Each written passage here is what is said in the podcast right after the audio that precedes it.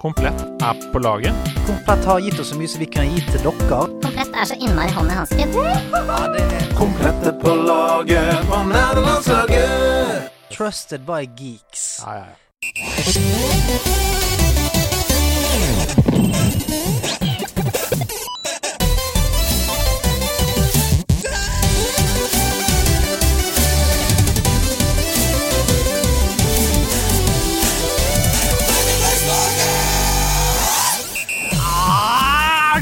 En av de heldige menneskene som har råd til krakk, og kanskje også er i besittelse av glass?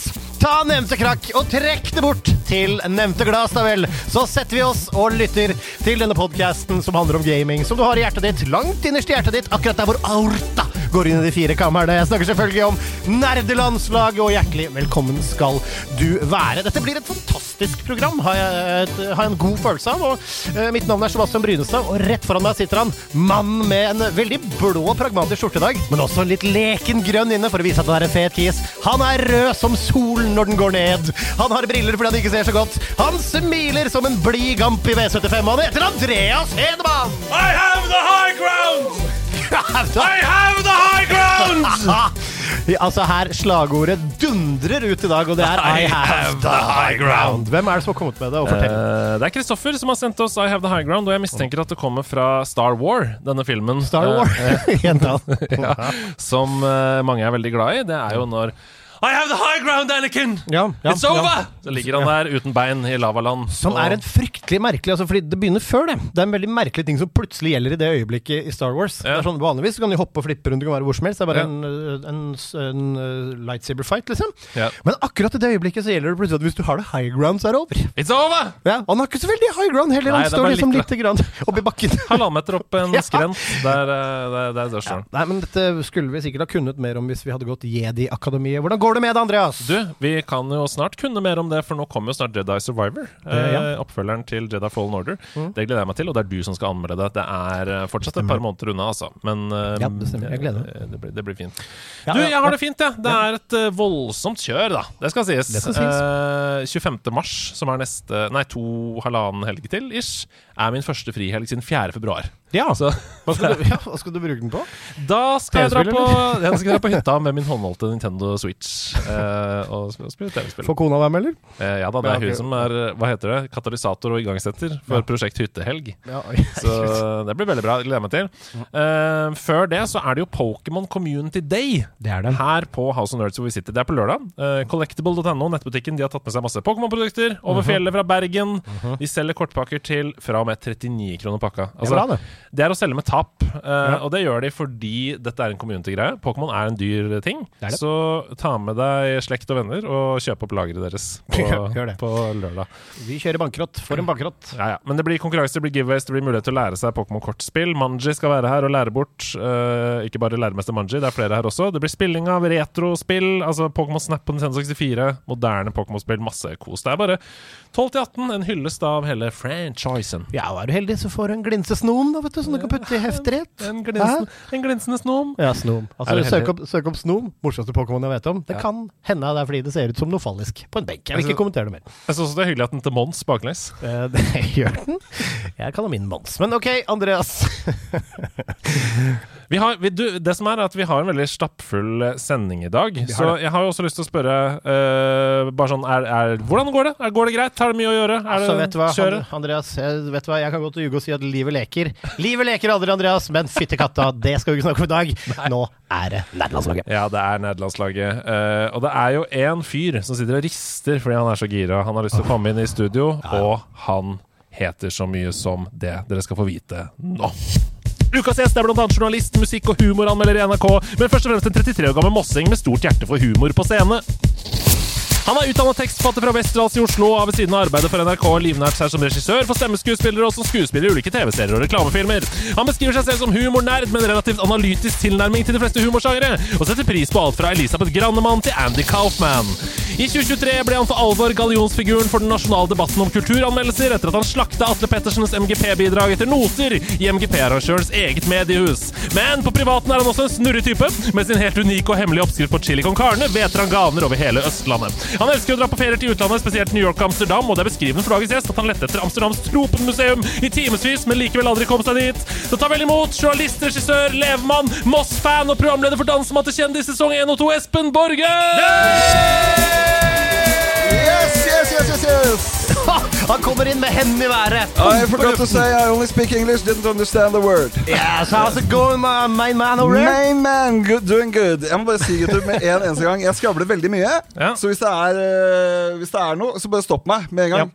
Det er eh, jævlig mye skravling. Er det lov å banne, eller? Ja, klart det er lov å banne. Vi bare putter på en E på episoden. Sånn Faen i helvete, så bra. og der skal vi bare få på den en, vet du. Ja, ja, ja, ja. Der er den. Ja, du er jo snytt ut av eh, Moss. Det er jeg. Det er Ingen tvil om det. Hvor fra Moss? Jeg er fra Ørjordet, ikke for å skryte. Det er jo et uh, ganske nitrist område.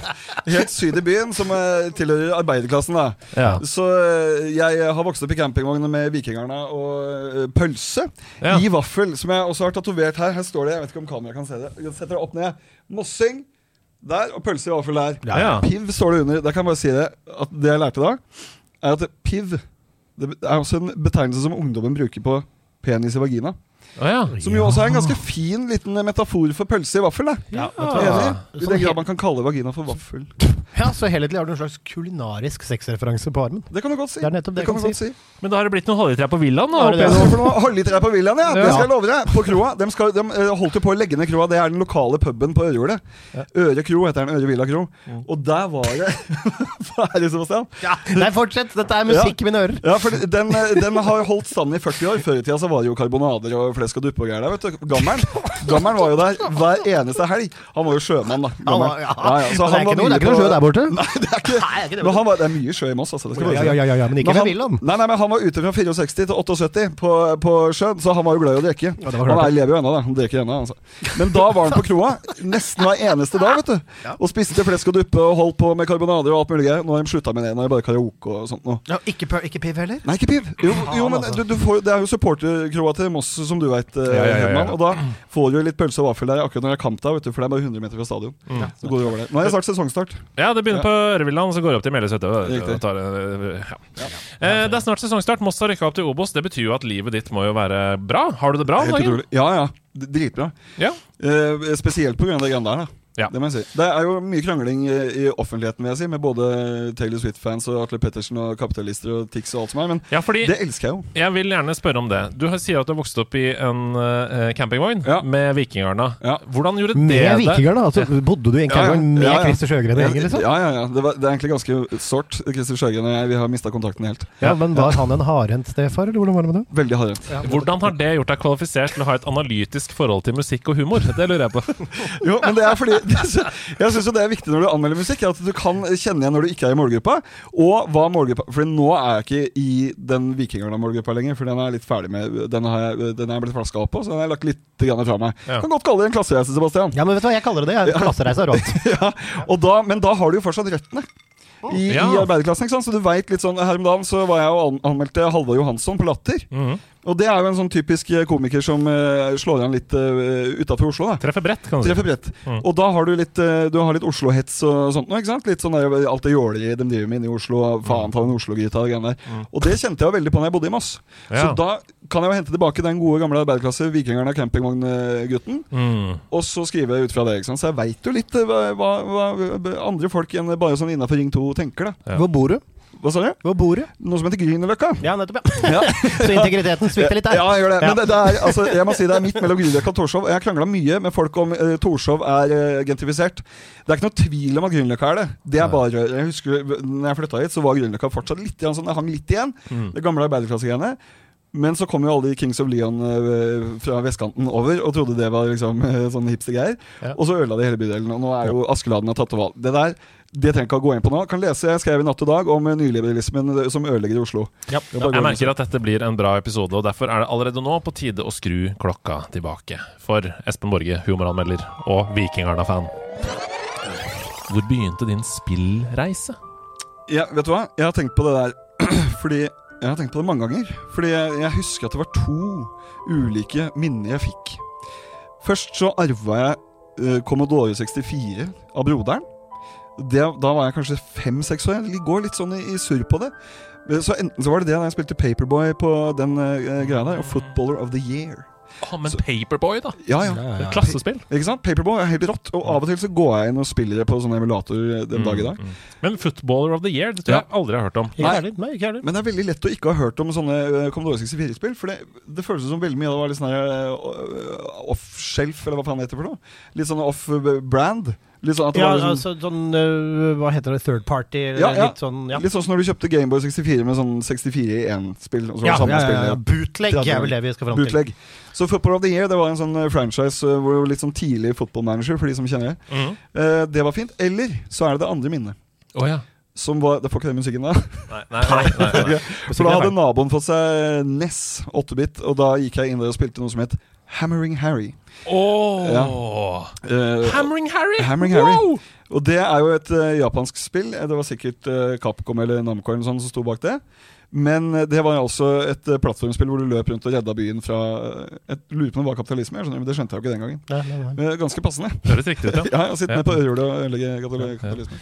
Hammer Harry, kjent i Japan som Daiko no Gensan, er en serie med plattformspill som ble utviklet og utgitt i 1990. Der kan du se. Ja, Så jeg, var- da var jeg tre år, så det må ha vært litt gammelt i spillet. da ja for du er 87, ja. Jeg er 87, du sa 33 i starten, men eh, det Er du 87 represent? Represent. Herregud, du er jo bare ungfolen du nå. Nei, jeg sitter her som den yngste i rommet med oh, ja. min Ja, det er riktig. 88-årgang. Ja, det husker jeg jo egentlig. Nei, men så Men Hammering Harry, men altså dette er da, da Her begynner det. Ikke Ja, sant? her begynner ja. så, så dette begynner å vekke et forhold. Men altså, når er første gang du liksom kan huske at liksom spill ble, et spill ble en liksom passion? Når du liksom virkelig ikke bare plukka noe på en Commodore, men når liksom litt Ja. sånn bevisst, og Ja. noe du husker, og noe du skjønte? skjønner? Det var hos samme nabo. Han hadde jo PC, det hadde jo ikke jeg. Uh, arbeiderklassen. har jo ikke PC hjem. Så da gikk vi ned i kjelleren hans, der PC-en hans sto, og så spilte vi Championship Manager, det første. Eh, Championship Manager Norge, vi kalte det bare Semano. Fordi det sto CMNO. Ja. Så vi kalte det for Semano. Og det var eh, Skal spille Semano, eller? Hva hva heter han? Hva heter han? Nei, Mats. Mats Arntzen, shout-out. Oi, Mats Arntzen! ja. Ja, kjenner du den? Eh, Er ikke han sånn natt og dag-fyr, da? Nei, det- overhodet ikke. Han er stikk motsatt. Han jobber på Jula på Høyda. Okay. Ja, faen, men Han bodde i en campingvogn ved siden av deg hjemme hos Ole Ivar. skjønner du ja. Du kan ta Ole Ivars ut av campingvogna, men du kan aldri ta campingvogna ut av Ole Ivars. sånn. Men da satt vi der nede i 93 og spilte, og det slo meg at i år så har jeg 30-årsjubileum som FM- og CM-spiller. Ganske Og vilt. du, Hvor mange ganger har du kjøpt Gabriel Ococha for å Det er ingen som heter. Nei, JJ Ochoa, Ochoa. Ochoa. Nei, jeg mente Ochoa. Keeperen Ochoa. Keeperen Ochoa er en legende i både FM og CM. Han er jo lurer på om han spiller i denne. Der må han være tett oppom 40. Ja, nei, Ja. Altså, Men han var i hvert fall den keeperen du kunne kjøpe. Som Ja, ja. aldri, altså Etter noen år så slapp han ikke inn mål lenger. Nei, nei, han er helt, han er helt vill. Deilig å høre. Um, så du, altså, men, men jeg har jo et spørsmål her som er sånn Hvor begynte din spillkarriere? Og da Mm. tenker man jo sånn F.eks. For eksempel, du snakker om uh, Hammer Harry, plattformspill. Mm. Var det viktig? Har du blitt en plattformspillende gamer av det, liksom? Overhodet ikke. Nei. Det som skjer når du er barn, vet du, er at du tar de spillene som er populære, eh, Ja. uten å skjønne om du liker det sjøl. Ja. Du går opp eh, og leier en eh, Super Nintendo for en helg, og så spiller du Donkey Kong og, og holder på med det. Og så skjønner du etter hvert at altså, Akkurat når du er seks år, så er det mer enn nok. Men etter hvert så skjønte jeg at det, jeg hater plattformspill. Ja! Det verste jeg vet. Jeg har ganske mange ja, Jeg er like kranglete på gaming som jeg er på alt annet. skjønner du Så jeg har veldig noen tydelige, tydelige preferanser. Men det er gøy, for jeg elsker plattformspill, så dette kan bli en deilig Ja. uh, yin og yang-aktig episode. Ja, for jeg merker jo, uh, sånn som når dere prata i stad om eh, Star Wars og Pokémon og sånne ting Jeg hater sånne tradisjonelle gamingting som alle elsker. Fordi jeg kan ingenting om det. Kan ingenting om fantasy i det hele tatt. Det eneste fantasyspillet jeg har likt noen gang, er Skyrim. Ja. Og eh, Men det likte du til gjengjeld veldig godt. veldig godt. Ja. Det er helt eh, veldig høyt oppe på lista. Så du på en måte elsker tradisjonelle gamingting, da. Ja, det kan du godt si. Men, men, men jeg bare kan ikke noe om det. Jeg kan ikke Nei, noe om ikke eh, det alle andre rundt meg kan noe om. Så det du hater, er egentlig ikke tradisjonelle gamingting. Det er Nei. din egen tilkortkommenhet. Det er det det er. det er ikke sant? Jeg føler meg dum. Fordi alle rundt meg kan de tinga her. Alle jeg gamer med, har masse referanser som jeg ikke skjønner dritt av. Ja. De har spilt masse World of Warcraft. Jeg spilte, altså, min World of Warcraft-karriere var veldig sjarmerende, syns jeg. Jeg, var, jeg er lei meg for at den er over. Og jeg er lei meg for det de har gjort med World of Warcraft. Fordi da det kom, i 2005, eller hva det var for noe, så spilte jeg på en RP-server. The Venture Co. Ja. Ja, Kan du huske den? ja, ja. Fullt av liv, vet du. Det var et enormt RP-miljø. Beste jeg visste. Glugan, min eh, dwarf hunter. Glugan Axfist. han levela nesten ingenting. Han levela bare opp til sånn at han kunne dra litt sånn mellom Goldshire og de der Red Land, eller hva faen heter det? West, ja. Red, West, Red uh, Westfall, heter det kanskje. Tok hogger og sånne ting, og så sto han bare innpå der inn i Goldshire og RP. liksom Det er så gøy, fordi jeg har jo eh, egentlig ikke hatt noe forhold til World of Warcraft før Classic kom. Så nå vet jeg jo dette. Jeg, Er det, er det Vanilla, eller? jeg har også tatt Hogger, og jeg har også tatt Ja, ja. Ikke sant? Fordi eh, jeg spilte opp til eh, TBC, og da ga jeg meg etter det. Fordi Ja. da, eh, opp, gilden oppløste seg, og det var liksom ikke noe Det er dårlig stemning. Ja, Det var ikke noe særlig RP-miljø lenger. Så de tinga der kan ikke jeg noe om. Mens alle har jo spilt World of Warcraft og, og levela 150 karakterer. Niks, Liksom. skjønner du, fordi jeg skjønte tidlig at hvis jeg begynner å spille World of Warcraft, dette Ja. uendelige spillet, Ja. så kommer jeg til å ikke oppnå noe som helst i livet. Så jeg Ja. turte aldri å spille. Men du begynte å drikke gin tonic. Det er ikke en gin tonic, kan jeg fortelle deg med en gang. Det er et glass nydelig vann. Da beklager jeg. Men vann er det lov å være avhengig av. Ja, det er lov. Det, det er ganske lurt, da, faktisk. Ja, det er. Uh, men eh, hva, hva var det som var sjarmerende med den Bob-historien, egentlig? Sin, uh... Nei, det som er sjarmerende, uh, Ja, det det, var- at Du glemte, Du glemte skjermen! ja, jeg glemte det. Jeg glemte det. Det var bare, bare litt sånn sovepodkast-historie. Men det som skjedde, var at jeg slutta jo, og så slutta jo ingen andre. Så alle rundt meg sier sånn Det jeg tror er World of Warcraft-begreper. Sånn AOE og sånne Ja. ting når vi spiller Valheim, liksom. Area of effect. Da. Riktig. Skjønner ikke en dritt av det. Eh, Rett på dotten min, og sånn sier de. Do, eh, sånn damage on target, er det det? Ja, Ja. Sånne ting skjønner ikke jeg en dritt av. Eh, Så da sitter jeg bare der og ja, ja, AOE, dot, dot. Men jeg har lært meg ads. Det har jeg lært meg gjennom Valheim. For det er mye bossfights, og da har jeg lært ads. da Ja, clear ads, Men, Ja, ja, clear ads. Og så da tøffer jeg meg litt. Og så sier jeg sånn Jeg tar ads, jeg, ads jeg, fokus ads og sånne ting. Tøffer jeg meg litt. Litt sjarmerende, det vel? Ja, ja, det er fint, Ja, det. det er veldig- Ja, det er løgn, selvfølgelig. Det er, ja. Men sjarm. Ja. Alt sjarmerende er løgn. Og er alt sånn, som er, løgn, er sånn er sjarmerende. Men sånn som ads har jo du også et forhold til, selv om du ikke har spilt WoW pga. Ja. av Destiny, f.eks. Altså, ad clearing, vet du hva? Det er den, eh, den dårligste i gilden sin eh, Eller dårligste i fireteamet som- for, for meg. Det er så altså, ser du. clear the ads. Det ser du. Det visste ikke jeg. Så det er derfor jeg alltid blir satt på det. da Fordi jeg er elendig. Ja, men Det er ofte det, men det er ikke alltid. Men noen bosser så er det liksom DPS må være sharp igjen. Ja, ja. Og da må du bøffe, du må bøffe han som er DPS. Så må du ad clear da. Det er en enkel oppgave, for det gjør man jo i spill hele tiden. Så i bossene, det er en viktig oppgave. Ja. Herregud, du kan ikke være dårlig i det. Nei. Men eh, jeg er ofte ad clear, jeg også. Så jeg, jeg også noe- ja. ad det. Jeg kan også utvilsomt. Oi! Ja, ja. Dere er egentlig ganske like, dere to. Du, Ja, ja. du er jo også i Overwatch, er du tank... eh, Jeg sånn tenker Ja. ja, ja. Men ok, Nå hopper vi langt frem i tid her. Hvor gikk det videre herfra? Nå har vi kommet oss liksom til at kompisen din hadde PC, du hadde Ja, ikke det. ja. Eh, hvor, er, hvor er vi nå? Ja, skal vi, gå, skal vi gå år for år, liksom? Eller skal Nei, vi nei, nei. Ta noen, ta noen høydepunkter. Ja, som noen du høydepunkter. føler Altså, sånn. da jeg liksom skjønte at jeg liker noe annet uh, enn det alle andre liker i gaming Mm. Det er kun realisme jeg setter pris på, og immersion. Eller hvordan fader man sier det. Det er helt riktig. Ja, og, da skjønte jeg når jeg spilte GTA 3 eh, Da skjønte jeg at det her, her Nå er jeg hjemme. ja. Og så kom jo SimCity uh, noen år før det. Mm. Og da var jeg altså frelst. Theme Park, Sim By, som var den norske adopsjonen av. Simtown. Ja. Helt uh, Altså, jeg tenker på det den dag i dag. Musikken det durer og går. altså, den er helt fantastisk, den musikken. Sånn øh, nydelig midi, sånn Maxis, typisk Maxis-greier. Ja, ja. Så da skjønte jeg at simulatorer, realisme uh, og alt som ikke er fantasy eller skyting, det er meg. Så siden den gang så har jeg fokusert på alt som Altså, jeg kan ikke spille noe med skyting aleine. Da blir jeg livredd. Jeg orker ikke tanke på å dø i spill. Mm. Det er det verste jeg veit. Og spesielt hvis det er sånn permadeath. Og sånn, Hvis det er jævlig stress. Så Derfor syns jeg Valheim meg helt jævlig, for, eksempel, for det er masse corpse runs hele tida. Mm. Da jeg kunne et begrep. Bra. Ja. Mm. Og da ble jeg så jævlig stressa og sur. Jeg ragequitter. Altså, de, Tore og Jonas, hvis dere hører på, så be, beklager. Jeg er jo ragequitter nummer én. Når du snakker om sånn bybyggespill, altså Ja. simulatorspill på, på den måten, og strategispill som er sånn, da eh, Mm. her, her skiller jo ofte um, den gemene hop seg i to. De som er glad i at det er tidspress, og de som hater det. Og bare gjerne vil at alt med klokke skal forsvinne og sånn. Mm. Ja, ja. Jeg syns uh, free roam og sandbox er veldig fine funksjoner. Mm. Creative mode, sandbox. Det beste jeg vet i sånne survival-spill, og sånn er jo bygge.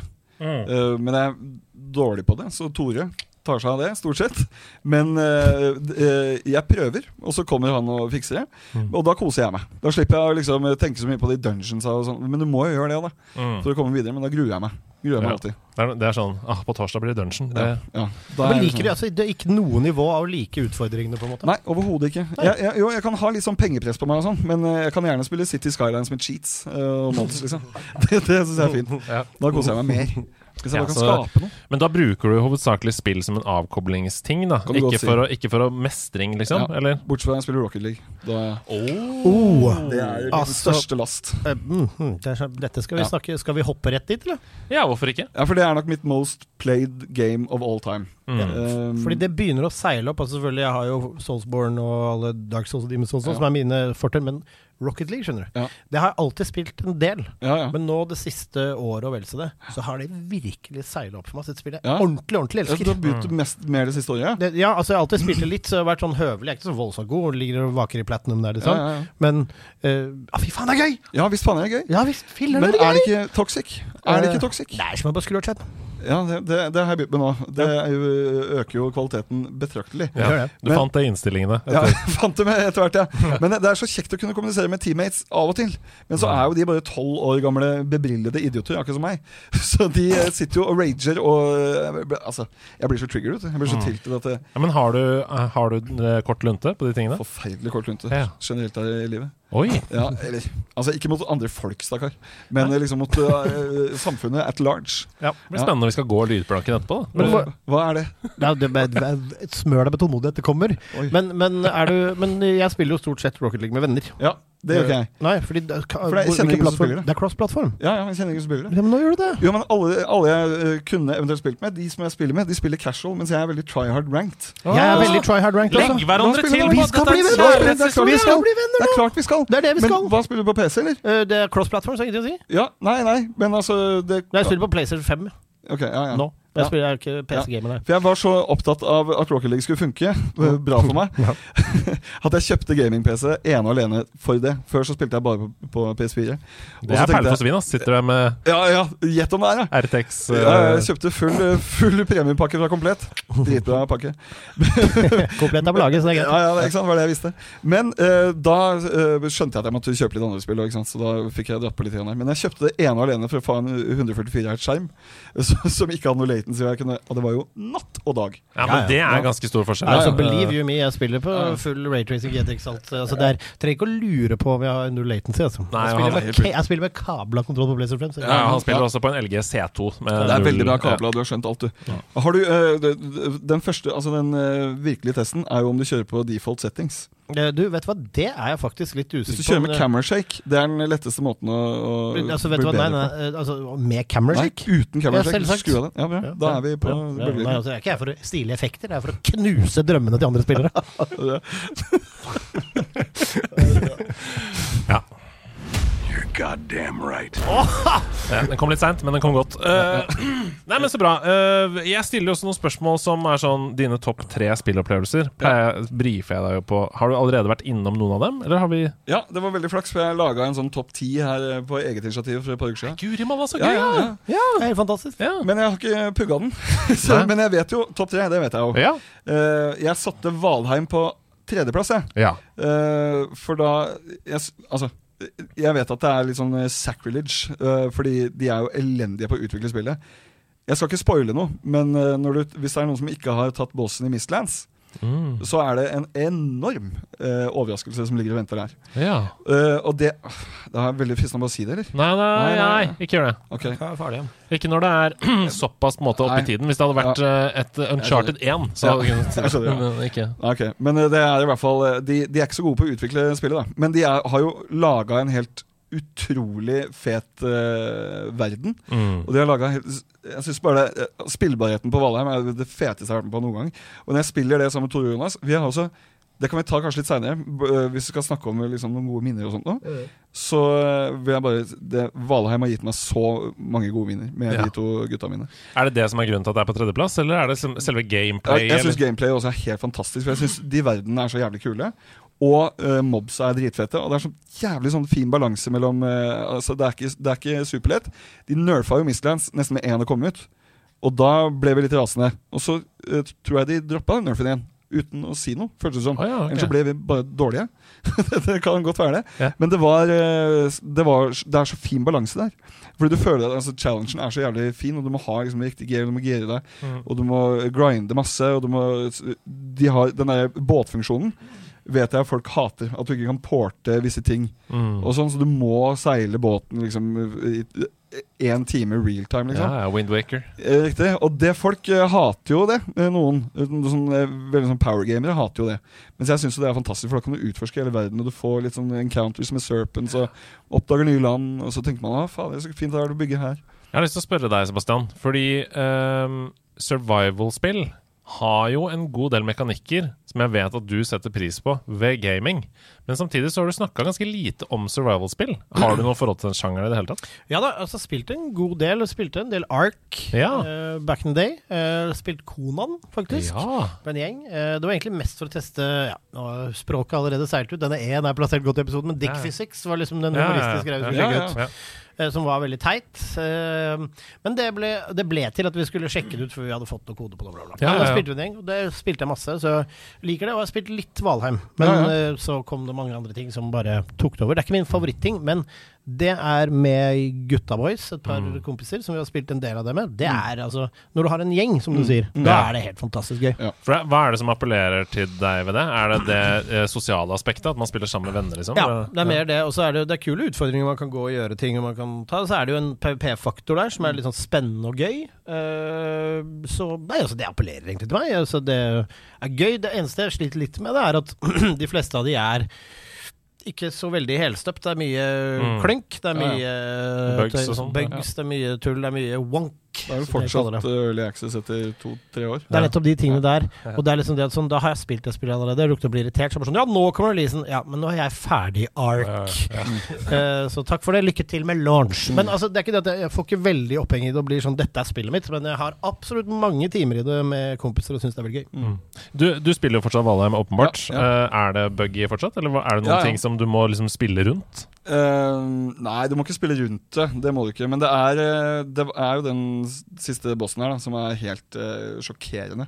Men, uh, for den tok vi akkurat. Men det, Jeg skal jo ikke spoile det, men det, det er helt, helt sjokkerende hvordan de, har, hvordan de har gjort det der. Oh ja, så det er liksom ødelagt, på en måte? Ja, det vil Men ok, si. da, da føler jeg at vi kan spoile det så lenge vi sier fra til alle Valheim-lyttere der ute. De neste 45 sekundene Du har en sånn greie på podcast-appen din hvor du kan hoppe 30 og 30 fram i tid. Hopp to ganger 30 nå fram i tid. Eh, hvis du ikke vil bli spoilet av det som Espen skal til å si nå. Kjør spoil. Det som skjer når du dreper en boss i Valheim, er at du, den dropper noe som eh, unlocker neste boss. på en måte Eh, Og det som skjer når du dreper Queen, som er siste bossen i, Mistlands, er at den dropper et placeholder-item som heter eh, Queen Drop. Og så står det i den item description placeholder item. Å, de er ikke ferdig! Nei, De har det launcha det uten å bytte ut placeholder. går ikke an! Det går ikke Å, an! shit! Så Når du skal åpne Du kommer inn i sk- Kaptein Sabeltanns borg, og du skal åpne skattkista hans, Ja. så er, så er det det- bare placeholder oppi. Det var helt sjokkerende. Altså, vi kunne helt- ikke tro det. Det var nesten så man måtte uh, skrive en sånn sinte greie på Steam. Altså. Det var helt Det er det sjukeste jeg har hørt, Ja, det går ikke an. Placeholder på Å ja, ok. Ja. Ja, nei, vet du hva, den provokasjonen skjønner jeg. Ja, du har drept Queen. Lorem ipsum dolor Altså, bare. Det er så dumt. Det er så dumt. Shit, immersion breaking! Ja, det er immersion breaking. Det er én gjeng som har Ja. vært på juletrefest og ikke fått pose. Ja, det som er så sjukt, er at de har brukt to år på å lage Mistlands. Ja. De har brukt fuckings to år på det, altså. Hvis du nå har hoppa fram til dette punktet i podkasten, vi er fortsatt Ja. i spoilesegmentet. Ja, vi er egentlig ikke det. Altså. Det er bare det at det, det, det er jo uh, for mye tid å bruke på noe som ikke Ja, det er uforløsende, så mye kan vi si. Ja, det er uforløsende. Ok, men uh, veldig fint innlegg om hvorfor dette er tredjeplass. Jeg, jeg Ja. savner litt Jeg hadde en sånn periode med dette da vi spilte Overwatch. Det var liksom oss som prøvde å bli try harder for å bli bedre. Jeg hadde også sånn da vi spilte Destiny 2 en, en god stund. Også med andre på nederlandslaget. Hei til dere. Hei. Eh, men nå savner jeg litt den greia der. Jeg, jeg spiller litt sånn introvert om dagen. Jeg spiller mye sånn Gran Turismo, sitter alene og i- grinder og sånn. Jeg savner litt den der fellesskapsfølelsen, så jeg skal snuse litt på å komme tilbake til et sånn type spill snart. Men fortell om andreplassen. Andreplassen er GTA San Andreas. Ja, Det føles jo uomtvistelig at det er et av tidenes beste spill. For det var jo liksom det første som tok open world-segmentet skikkelig på alvor, liksom. Ja, ja, ja. Og fiksa det. Det er så bra, det Og tenk at det er fra 2005! Ja. Og at det var så stor og levende verden, liksom. Jeg, jeg spilte en uh, def, uh, Definitive Edition nå. Mm. Um, altså, det ser jo helt latterlig ut, men uh, det er uh, de nye, Den nye grafikken sånn ser så merkelig ut. Altså. Mm. Men spillbarheten er jo fortsatt helt Ja, det har jo holdt insane. seg. Ja, ja, og storyen er jo også helt utrolig. Ja, ja. Og det er jo det Rockstar Games eh, Det er jo Jeg kan avsløre at førsteplassen også er Rockstar-spill. Okay. Ja, men eh, det er jo bare De er så gode på det, liksom. Er det Bully som er førsteplassen, eller? Det er det. det, er. Manhunt. Åh, en eller to! En eller to. Det er en table tennis-greia. Nei, men så gøy. Uh, San Andreas, hva, hva du, Nå har du jo nevnt i grove trekk, og vi vet jo alle at det grunnleggende er et veldig bra spill. Men er det noen sånne enkeltstående øyeblikk som står ut fra det spillet? Enten sosialt med vennene dine, eller sånn 'Å, jeg husker da vi tok Ja. det flyet og fløy inn i narkokartellet'. Nei, men jeg husker at man kunne spille Altså Det var vel kanskje en mod, det San Andreas multiplayer-greiene. Som eh, jeg spilte også en god del etter at vi hadde blitt ferdig med storyen og sånn. Det er en mod, ja. For det Ja. har jeg aldri rørt, nei. Nei, den var fader meg fet. altså Den funka ennå. Det var jævlig bra modding community på det greiene der. Sorry. Men det, var, er, det, det jeg kan huske best fra det spillet, er jo den historien. Og at man hele tiden blir dratt i en eller annen spennende retning. Mm. Uh, og så husker man jo veldig godt han der The, tru, the Truth. Han uh, veldig hippieaktige uh, marihuanafarmeren der oppe. Fader, for en eh, fin karakter. Altså. De har så jævlig mye kule karakterer, vet du. Tenpenny, Officer Tenpenny, med Ja. Samuel L. Jackson i, i- på, bak mikken. Ja. For en casting. Ja, for en casting. Ja, Ja, det er, det er et knallspill. ja. ja det På, er helt på den tiden her også. Det er jo som å kaste Carl og Co. til uh, eventyr... Nei, jeg mener Carl, Nils Vogt. Det er som å, det er som å kaste, Kaller du Nils Vogt Carlo Co? Ja, det er dårlig gjort for Nils. Jeg tenkte på Carl og Co. i hodet. Ja, det, er som å kaste, jeg skulle si, det er som å kaste Nils Vogt i eventyrspillet ditt eh, på 90-tallet i Norge. Sånn som de gjorde med Pink Panteren Gjorde de det, ja? i? Den farefulle ferden. Verste norske oversettelsen av Ja, ja, den farefulle ferden. Var det Nils Vogt? Han var hovedrollen! I Nils Vogt. salte faen. Men si meg en ting, si meg en ting eh, Andreas. Hvis Ja. du tenker på eh, Nils Vogt, så tenker du først og fremst på Carl og Co. Du, Ja, og det er det som er så sjukt. Ja. At jeg tenkte på Carl Jeg tenkte på skuespilleren, Ja. Altså, hjernen min assosierte Carl og Co. Ja, ja, Og det er veldig rart, for jeg har sett eh, klart mest uh, mot i brøstet. Kan ikke du ta Ka- eh, han eh, Carl Reverud? Nei, nei, nei! der sitter han. Jeg kaller han bare Reverud. Ja, Ja, det er det beste. Doktor Reverud er herr Reverud. Han, han er finansmann, er Ja, han er vel Kand Finans Reverud, tror jeg. Er- Har dere sett den tredje serien om Carl? Kong Carl den tredje? Eller hva Ja. heter Carl den tredje? Lagde de det òg, ja? Det. Gå på YouTube og se på det. Og- Det er det dårligste som er laget crap, i? Norge. Ja. Er det verre enn Holmes? Ja, det er mye verre. Oh, du vet du hva? Vet du hva? Shots fired, shots fired! altså, Tore Ryen, jeg lyser fred Nei, han lever så Ja, Jeg lyser fred over hans programmers Ja, minne, ja, skal jeg si! ja, ja, ja. Men hvis han, um, hvis han er eh, borte, så uh, shout-out. Men, men Nei, jeg tror ikke han er borte, altså. Ok, vi skal videre til Nå kommer du til å eksplodere på Twitter, ikke sant? Ja, ja, ja. Sorry, Tore. Ja, sorry, Tore. Men, får vi noe nytt snart? Holmes. Jeg vil ha mer Holmes. Det er på tide. Ve- Vet dere, Skal jeg si en sjuk ting om Tore Ryen? Mm. Han har en amerikansk sønn. Som ikke forholder seg til Norge i det hele tatt. Han, bor, han har bodd i LA hele sitt liv og er liksom en filmfyr. Fordi Tore Ryen var eh, Jeg tror han heter Adam Ryan, eller noe sånt. Han har kalt seg liksom det. da Mm. Og han har jobba med film der borte og blitt kjempestor på det og har gifta seg med en eller annen rik eh, person. Bare Helt utrolig at Tore Ryen har et sånt liv på sida. Men det var det som var bakgrunnen for Mot i brøstet, du vet det? Hva da? At Tore Ryen bodde i USA, tok med seg sitcom hjem til Norge. Ja, for pokker! Ja, For han hadde lært av Aaron Spelling. Han. Ja, Helt riktig. Ja, ja. Ja, men altså, salte kalker altså, fyren, altså, fyren var 90-tallet. Er Salte greit at ting ikke har stått i Altså, tiden. Mot det, ja, mot det er i Norges største komisuksess! Altså, tidene. Det syns vi var gøy på den tida. Ja, og jeg syns det er gøy ennå. Ja. Ikke gøy. Det er Altså, noen ting det- som er langt uh, utafor. Ja, ja. Det er et par ting. Ja, det, er, det, det kan du si. Men det er gøy å se på det, på en måte, for det, det, det er merkelige scener. Altså. Ja, ja. Og det er, men det er en del holdninger, da, som Det er imellom, det kan altså jeg vil si si. sånn mot i brøstet i sin samtid, greit nok, men altså akkurat i dag, mellom Meep Meep og den episoden med Carl I. Hagen, så tror jeg Ja. det er en del å vaske opp i der. Ja, ja, det tror jeg nei. Vi var på GTA San Andreas, vel? Ja, ja, ja. det, Nei, vet du hva, det er fort gjort å skli over i Tore Ryen. ja, ja men det var jo, han altså. som, det var jo han som skrev det. Så det, Det er ja. sant, det. det er jo hans magnum opus. Opus Day. opus Day, ja. De replikkene til Tenpenny der. Ja. Det er det Det skrik i Tore Jobb. Tore. Nei, men eh, skal vi Vi går, vi går videre til førsteplass på lista di. Ja, ja, ja. Det er noe som heter Red Dead Redemption 2. Å! Altså, nummer to. En av de verste spillene noensinne lagd. Det, det der orker jeg ikke å høre på. En av de dårligste spillene du noensinne lagd. kødder ikke heller, du? Nei, Poenget med det er at jeg vet at det ikke er en av de dårligste spillene Ja. mest lagd, så jeg skal gi- ikke gidde å lage den eksplosive diskusjonen. Jeg bare mener i forhold til hva det koster i å lage, i forhold til hvor stort det var, i til- i forhold til potensialet, i forhold til hvor bra Red Dead 1 var, så er det et fuckings makkverk. De, ingen av mekanikkene deres er brukende, så jeg kan fortelle akkurat nå hvorfor jeg ikke liker det. Det er fordi idet du gjør ditt første bankran, så har du mer enn nok penger til å klare hele spillet. Du får en Schofield revolver som holder gjennom hele spillet uten noe problemer. Du trenger aldri å lage noe kaffe, trenger aldri å campe, trenger aldri å gjøre noe som helst. For å oppsummere Sebastians meninger i en veldig kort setning. Han mener at én er altfor lett, og at to eh, er kjedelig. Det burde heller vært en TV-serie enn et spill. Her kommer det Ok, Det at det er kjedelig, det Det blir for dumt. Men jeg skjønner det du sier med mekanikkene. Men det du kan gjøre, da Her kommer det med immersion inn. Fordi selv om du ikke trenger å lage kaffe på campen, så gjør du jo det. For du, skal jo ta, du slår opp telt. Du har vært ute og jakta. Du er ute etter en puma. Du må ta en liten pause. Det begynner å bli mørkt. Det er livsfarlig. Du slår opp teltet. Selvfølgelig lager du litt kaffe. Selvfølgelig spiser du en liten minty venison, selv om du ikke trenger det. Men faen, altså, da kan jeg jo spille hva som helst. Da gå ut i et lite skogsområde og sette opp et overhead-ark, tegne på et telt og late som jeg lager en minty reduction. Jeg vet da faen, Det har jo ingenting å si for spillet! Nei, Det har ikke noe å si for spillet, men det er der, det er der jeg sikkert skiller meg litt fra andre gamere. Da. Fordi jeg, det, er ikke så, det er ikke så jævlig farlig for meg hva, hva, om det driver noe framover, eller om det trengs. Jeg bare syns det er jævlig gøy å gjøre det. Ja. Også, uh, eh, tenker Dette er Det Valheim-Espen. kan du godt si. Ja, Det er rollespilleren i det. Det er det det er. Og uh, når du da Altså, jeg må jo si at storyen i spillet, det kan du ikke si er dårlig. Nei, Det, altså, vet du hva, altså, vet hva det, og dette blir første og siste jeg gidder å ta. Jeg har tatt et veldig aggressivt standpunkt til Red Dead Redemption 2 Ja. med litt humor, fordi alle Ja, hyller det så fælt. Jeg mener bare at selvfølgelig er det en god historie her, men det Jeg er et elsker at du er kontrær. Det vil jeg bare hylle. Ja, jo, takk for det, men det er, altså, det, selvfølgelig er det et bra spill i bånn her, men det var altfor enkelt. Det var så mye uforløst og så ekstremt mye kult som var potensialet her, som forsvant så langt ned i gjørma for meg at uh, Jeg er enig i at det er enkelt. I hvert fall det Det, pengegreiene. er det jeg har lyst til å utfordre deg litt på Og så Dead Eye, det er cheating. ja. Ja. Det jeg har lyst til å utfordre deg litt på, det er at GTA San Andreas er jo veldig åpent. Ja. Hvis du skal drepe en boss, så kan du drepe det på 50 forskjellige måter. Du Ja. kan plante bombe i bilen hans, du Ja, ja. kan skyte han fra taket, du kan Ja. gå bak han og knive han. Ja. Eh, I Red Dead Redemption så får du mission failed. Hvis Ja, ja. du ikke gjør nøyaktig det spillet vil at du skal gjøre Og sånn er det jo enhver i- tid. Hvis du går fem meter fra stien, Ja. failed. Men det er sånn de fleste nye Rockstar-spillere. Altså, både GTA 4 og 5 og, De er jo også sånn.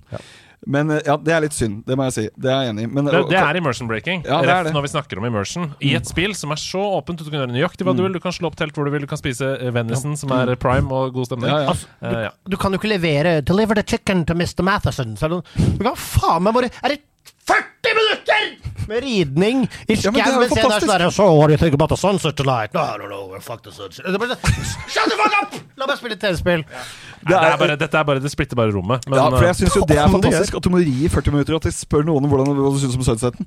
Syns jeg er noe av det beste med spillet. Mm.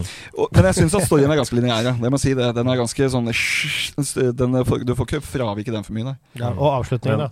Men Nei, nå! avslutningen er bra, syns Ja, jeg. vet du hva? Den, det skal vi også komme tilbake til, sikkert. Det med minner og sånt noe. Men eh, fytti helsike. Ja, er det bedre enn Red Dead? Syns du det er bedre enn Red Dead 1? Nei, men det var så lenge siden jeg spilte. Men Ja. jeg syns jo også det var en helt utrolig fordi- For det er en av mine Ja, ja. favorittspill, Ja, det var fantastisk. Jeg er helt enig. Samme her.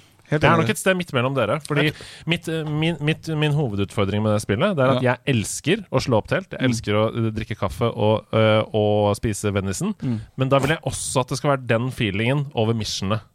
Fordi jeg vil enten ha Uncharted, eller så vil jeg ha Open World Exploration. Jeg vil Mm. ikke ha en, et spill som er paranoid schizofrent og sliter i hverandres uh, borggård hele Ja. tiden. Det er sånn Nå har jeg mulighet til å være open world, men nå har du ikke mulighet til det samme. Det, reglene gjelder ja. ikke lenger nå. Ja, Nei. det er sant, det. Ja. Det liker jeg ikke Og så godt. Og ikke gi meg en Schofield revolver med en gang, da, hvis jeg skal holde! Ja. Nei. Nei, jeg flytter det til 100.-plass, jeg. det er noe av det verste jeg har spilt. Helt forferdelig. Setter Kanari Damasi opp på Vet du hva? We Love Katamari. Det også. det gleder jeg meg til! Det må helt opp. For den, den PlayStation 2-utgaven av det Det var også 2004. Det var det første spillet jeg anmeldte for Moss Dagblad. Bang. Moss MD? Ja, ja, Du gikk ja. for, du gikk for MD istedenfor Ja, for den gangen så var jeg spillansvarlig i- på Spacewell på Mosseporten. Der har vel du vært en del. Ja, Ja. der har jeg faktisk stått og spilt spill når foreldrene Ja, mine ja, var på ja. Mækkern, så satt de meg igjen på Fikk ikke meg? Nei, og det det, og da, da var det du, du skal ikke på Mækkern, vet du. Det, det, ungdommer de skal ikke på Mækkern. De skal ikke De stå på Spaceball, vet du. Ja, de står på Spaceren og gamer isteden. Spiser gulrøtter. Hva hadde du gulrøtter på? Det har du jo holdt på. Du har jo holdt på det. Ja. Se så sunn du er. Karoten eh, full og fin. Spiser tre poser poteter i luka. Ja, faen, det er-. Men det skal dere ha begge to. Dere sitter foran meg. Det er en slags NM i karoten her nå. Ja! Karoten-NM. Ta så Google Espen Borge, folkens, og så, og så googler meg etterpå, så kan vi sette det ved siden av hverandre. Litt samme palett. Ja, vi, si. vi har samme palett, ja. ja. vanskelig å dra på ferie til Mallorca, for Veldig, eksempel. veldig vanskelig. Kan vi se, når jeg var i Cannes en gang, Ja. så var det jeg, ikke, jeg er ikke sånn fyr som drar til Cannes, altså, men det er jo det, det er litt uh... av, og til, så, av og til så er man eh, innom, da. Det var en bobiltur. Campingvogna med vikingene og greier. Fordi det, først flott, stilig, faen for en flott fyr. ja, ja. Nei, så, så gikk jeg inn på en liten kiosk og så spurte jeg om han har eh, solfaktor 50, for det er det høyeste jeg har hørt om. Og så sa han eh, stakkars eh, franskmannen bak disken Han sa 50, you need 1000! Og da, da er jo ikke høy i hatten, altså. Ja, det er shotsfire. Ja, det, er- men det, det er den, altså. Den, den sitter. Den sitter i. Ok, jeg, jeg stilte deg også spørsmål i researchen Ja. om du hadde to gode historier knytta til spill. Uh, noe som du liksom har opplevd som du kan kjenne sånn Å, nå har, det har jeg lyst til å dra fram nå. Ja, øh, altså historie Jeg vet, det, var- det var litt det der med Med den slutten på Red Dead Redemption. At øh, jeg, Det spilte jeg sammen med samboeren min på tidspunktet. Og det var altså Vi fulgte den storyen så tett, og vi gråt altså sammen så mye når det øh, Når, når, når det skjer, ja? Ja, når det skjer. Skal Den ikke- narrative avslutningen er ikke det verste her. Nei. Jeg snakker om hvor lite du får være med. Men nå må han få lov til å fortelle jo, jo. historien. jo, men jeg, jeg er enig i det. Men du får jo Altså, det er jo en blanding av film og spill, vet du, Sebastian. Er du ikke enig i det? Jo da, det er jeg veldig enig i, Ja. men det, det er bra, Det det. Jeg skal spille spill! Jo, jo, jo, men altså, tenk om du kan få i pose og sekk. Tenk, du, du, har du noen gang spist en M&M? Har, du- har du noen gang vært på Netflix og prøvd den der interaktive filmen? Da? Nei, ja, fins det òg, ja? Yes, da, det er en blanding av spill og film. Akkurat det du elsker mest. Det, går. Er det det? Er det, det? Tilbake igjen til ja, historien. Hva faen var det jeg sa for noe? Du sa Jo, at du det- holdt ja. på med din samboer, og det var trist. Riktig. Ja, det var nitrist. Og da, da merka jeg at dette her har aldri skjedd før i et spill. Dette, dette har aldri skjedd før. Ja, At du er såpass emosjonelt ja. ja. investert. Ja. Altså, Jeg skal ikke spoile noe, men når Arthur rir tilbake til campen der Mm, mm. Åh, fy fader. Og den musikken, vet du. Nei, altså Ja. det, Jeg begynner nesten å grine av å tenke på det. Ja, men det er noen sånne Hva heter det? Du er veldig god til å beskrive dette. Noen um, I Destiny også. Så når vi snakker om historien, så er det noen sånne Ikke, ikke dødball i fotball, men noen scener. Hva- Hæ? Hva kaller du det, da? Scener i spill som er ehm, s- Instrumentale? opp- Nei, som er oppstilt, som er Set pieces? set pieces. Ja, ja. Det er noen set pieces i Ja. Red Dead 2 som er f.eks. også når Innkast. Eh, Når den der, eh, Den ene låta kommer når du oppdager den storbyen. Den eh, franske ish inspirerte Saint-Denis. Ja, når du Oui. oppdager den for første gang og rir ned dit, Ja. da kommer det også en instrumentalmusikk. Ja, for ja, første gang som tar i. Det er ja. noen set pieces som er veldig veldig bra. Og dette, altså det, når du først er noen som har det som favorittspill, skal jeg ikke være så beinhard. Fordi ja, spillet har en cinematografi som er helt fantastisk. Når Noen ganger når kameraet hever seg, Mm. når setpissene kommer, når triggerne kommer. De kommer ofte uventet. Du kan være Rome, og så plutselig ruff, så skjer det. Altså, selvfølgelig! Det er godt håndverk! Mm. Fantastisk. Det er jo ikke det jeg sier. Det jeg sier, er bare at som spill så er det litt lackluster. Men det er helt, ja, det er helt uh, jeg, Altså, jeg, jeg hater det du sier, men jeg vil forsvare til min døde, osv. Men var det det som var viktig for deg? Da kjente du sånn Dette kjente- ja. har ikke noe spill gjort for meg før. Ja. Og det, det, dette er helt løsrevet fra spillets funksjon. altså Det var bare en så utrolig fin historie som jeg aldri har sett før. Jeg har knapt nok sett det i film. Så øh, da den øh, følelsen jeg hadde da Nei, øh, altså Vi skal jo snakke litt om The Last of Us etterpå. Ja. Har du både spilt og sett serien? Ja, eller? jeg spilte det litt, men det er jo typisk sånn spill jeg hater. da ja. Altså Veldig sånn lineært og masse skyting og Ja, horror og- ja. Du, også elsker du Red Dead Redemption 2! Jo, jo, men det er single player ja, Men det er ikke sånn type skyting, vet du for det er ikke skumle folk der. Ah, det er ikke horror. Nei, nei, det er bare cowboyer, og dem kan Og jeg skyte. så er det kjempe, og så er det kjempelett. Superlett! Du dør jo aldri hvis du har det der. Du, altså, det er ingen ambush som kan ta meg. Altså. Jo, bjørnene de tar meg ganske. Ja, og da skvetter jeg, og da er jeg nesten før jeg skrur av. Altså. Men, men det laste, den serien, den må jeg si er steinbra. Den ja, koser jeg meg Mm. med. Men det, der kan du ha det. ikke sant? Der, der, serien er jo det samme som spillet, på en måte når det er så lineært som det mm. Last of er. Da må du liksom gå, og når du spiller singleplayer da Nei, det er ikke noe for meg, altså. Nei, nei, det er veldig interessant. Jeg tror vi har et ganske godt bilde av hva slags gamer du er. Ja. Men hva spiller du nå om dagen? Vi skal snakke om liksom de siste seks månedene. eller sånn, hva Du står Du har jo snakka litt om Valheim. Ja, det er Valheim er, er, det sånne ting? Ja, Valheim Mistlands, og så har jeg lasta ned eh, Championship Manager 1997-98. Åh, Det er kanskje det beste, tror jeg. Ja, ja, det er Mange helt fantastisk. det. Helt nydelig. Og så jeg, uh, har jeg spilt noe som heter Gear City. Oi! Eh, har du hørt om det, eller? Nei! Uh, Faen er det vanskeligste simulatorspillet jeg noensinne har spilt. Oh, gøy! Ja, Det er helt umulig. Fordi du skal starte en bilfabrikk i 19... Du kan velge litt når du starter, men hvis du starter rundt bilens spede begynnelse, uh, 1920, så eh, må du altså bygge en bilmodell, og da må du vite litt om bil. Du må gjøre masse oh, ja. research, det er helt 100% realistisk. Og så må du liksom velge hvilket marked det skal gå i, hvor mange fabrikker du skal ha, hva som er konkurrenten i akkurat det markedet. Så hvis du har en fabrikk i i Norge, da, som er jævlig dyrt, fordi det er høye løn lønninger i Norge, og det er dyrt å ha fabrikker der, og alt mulig sånn, så må du ha en margin. Altså må det liksom, Alt det økonomiske du må være liksom, daglig leder på ekte. Og så må du vite hva som selger med bilen og sånne Wow. ting. Jeg, jeg går jo konk etter to år hver gang. Så det er bare, Jeg skjønner ikke hvordan jeg skal klare det. Så på en måte drømmen om å bli en slags Henry T. Ford. Ja, det er akkurat det. Ja, men ja. Hør på denne beskrivelsen. Dette, Ja. er- dette er eh, Dette må være bra. Mm. Fordi dette er den kjedeligste beskrivelsen jeg har hørt av noe spill noensinne. Men da elsker du det, Andreas. Ja, spillet må være bra, Ja, fordi ja. vi skal selge deg inn på denne måten. Ja. Dette er det som står i om spillet på Steam. Gear City is a realistic, historically focused economic simulation of the global automobile industry. Og så står det Unlike Tycoon Games, Gear, Gear City has not been simplified. It's a complex, realistic, in-depth management sim that will take several hours to grasp and hundreds of hours to master. Altså det er Bare det å skjønne det. Ja, altså Nå har jeg rundt 40 timer i det, tror jeg. Og jeg er ikke i nærheten. altså Jeg har aldri klart det. Har du fått én bil Ja, Jeg, har én bil oppe å stå, men en gæren bil hver gang. da Tydeligvis Jeg aner ikke hva folk vil ha. Men, men det er jævlig gøy, sånn, Fordi jeg, jeg leser jo sånne guider. Da? Og så, da- Da er det jo folk som har det, som har spilt i tusenvis av timer. Mm. Men jeg skjønner jo ikke det engang. Jeg skjønner ikke det som står der engang.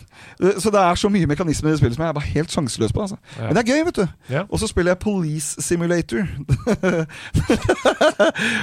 I Brighton PD. Dæven, det sånn- badebyen. ja.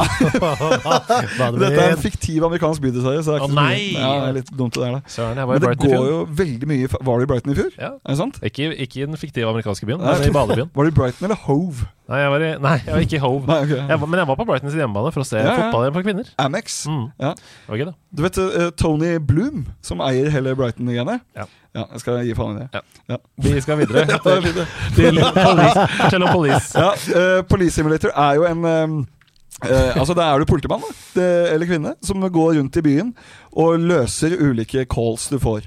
Eh, og Det var jo early access da jeg begynte å spille det. Så det var jo ganske mye bugs og sånn Men det syns jeg er litt lættis noen ganger. Og så uh, har det blitt bedre og bedre. Og nå kan jeg liksom, du, går du ut om morgenen, liksom, og så finner du ut av hva du skal gjøre. Skal du være patruljerende politi i bil?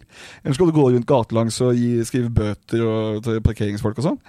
Eller eh, eh, så når du får sånne ulykker og sånn, sånne politi, altså krasjer, eller hva faen det heter Bilulykker, heter det. Det det det altså. Ja. Og da må du redde Altså Det kan være store bilulykker. Så Det ligger folk strødd på gata og har vondt. Og da må du spørre dem hvor har vondt og hvor har vondt og sånn. Og så må du ringe ambulansen. Her ligger det sånn og så mange. De har vondt der og der. Og så må du rekvi rekvirere tauebil. Det er vanskelig for meg å si som ikke kan si Ah, her. ja. altså, du må fylle ut skjemaet, ja. Riktig. ja, ja. Og så må du ta bilder av alt til forsikringa. Hvorfor det, hvorfor, er det kun, hvorfor er det kun én politimann eller kvinne i Brighton? Nei, du kan ikke calle backup. Det syns jeg er litt rart. Så det er ikke noe sånn det er, Hvem er denne politimannen eller kvinnen som Ja. vandrer ut om morgenen for å gå og sjekke om det har skjedd noe ræl? Og så må du gjøre alt? Ja, jeg må gjøre alt. Og så er det veldig sånn rated uh, PG-13 eller hva faen. Oh, ja, det. Så ja, ja. Aldri sånn drap eller noe. Det er bare Det er ikke noe liksom, blod eller noe sånt. De, bare, de, de bare sover, mamma. Ja, de bare sover. Ja, ja. Og så er det sånn væs- væskenapping som det verste, da. Liksom- det er det verste, kanskje.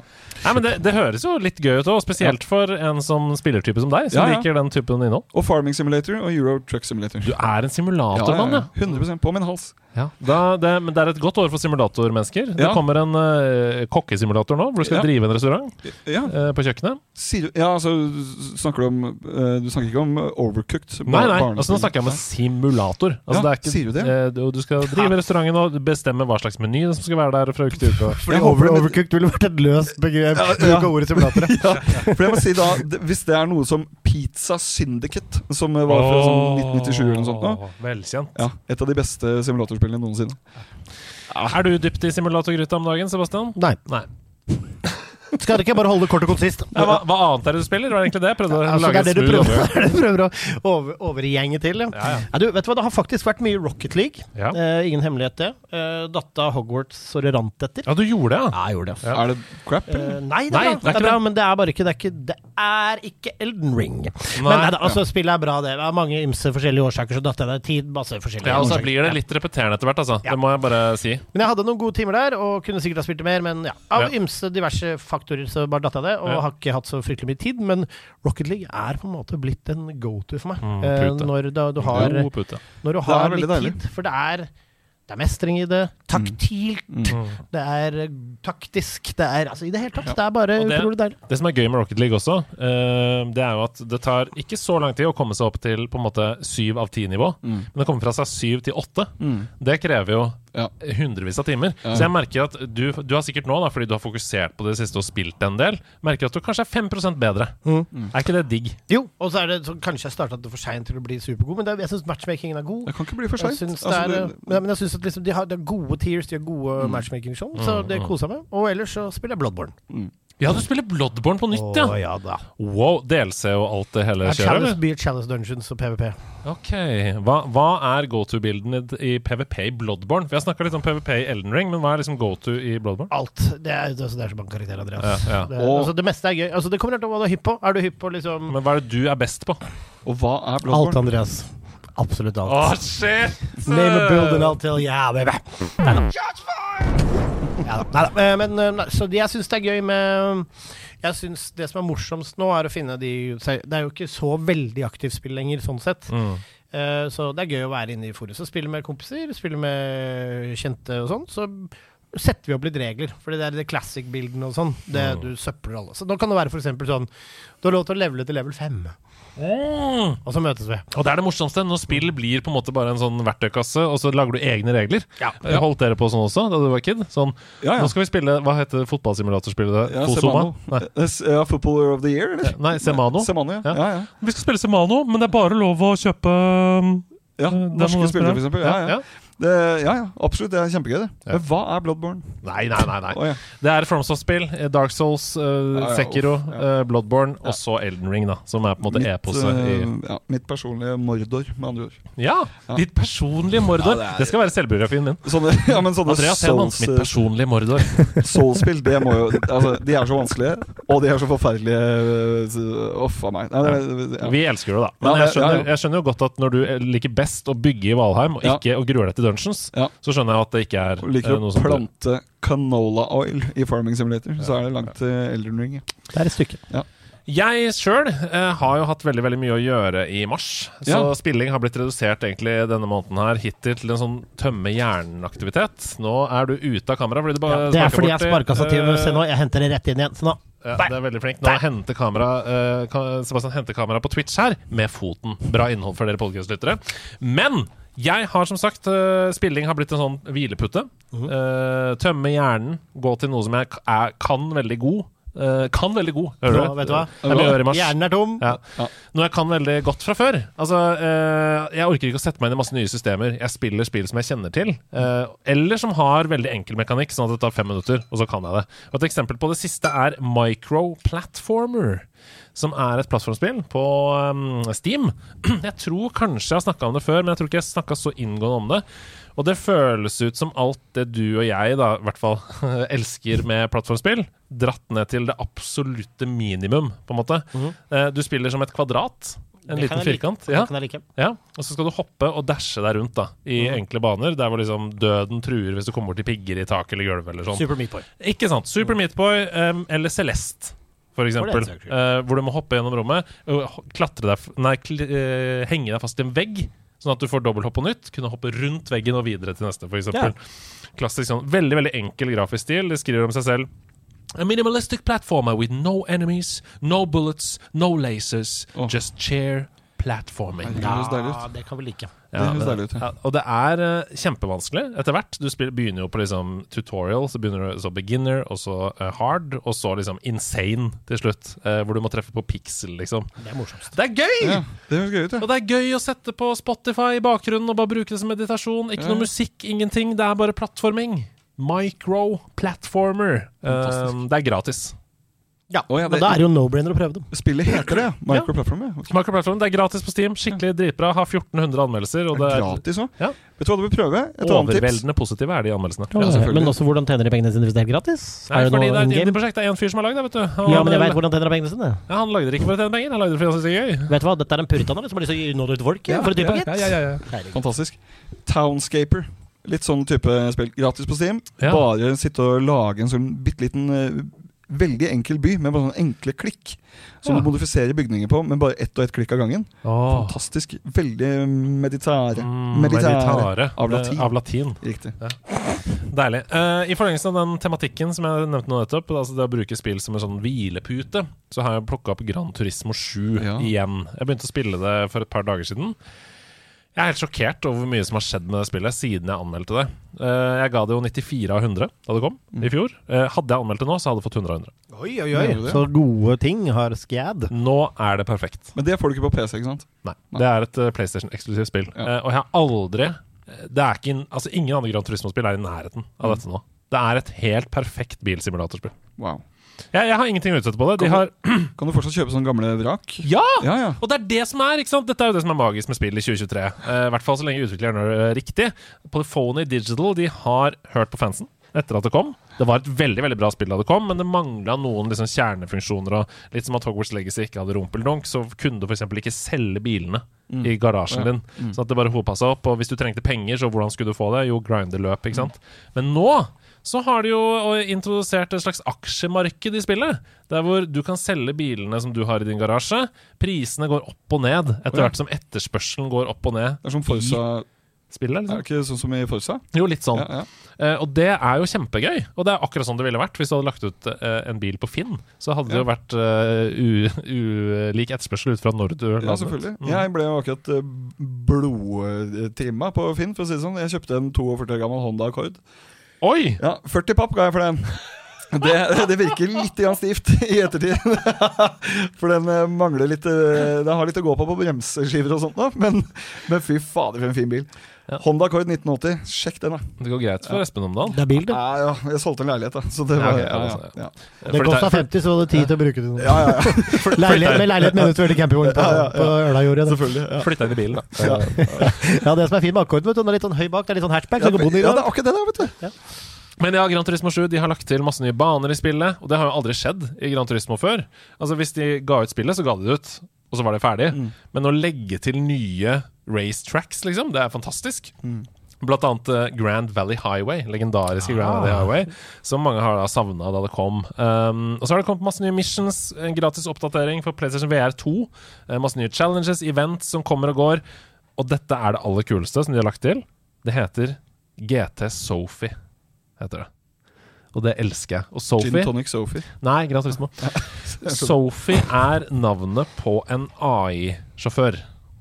Eh, jeg, jeg klarer ikke helt å forklare hvordan dette funker, men det, folk som hører på som har Grand Turismo, må prøve det. Det heter sånn Ride Together, står det oppe i hjørnet. Det er sånn event. Eh, Polyphony, da, som er selskapet bak, og Sony de har utvikla en AI-sjåfør.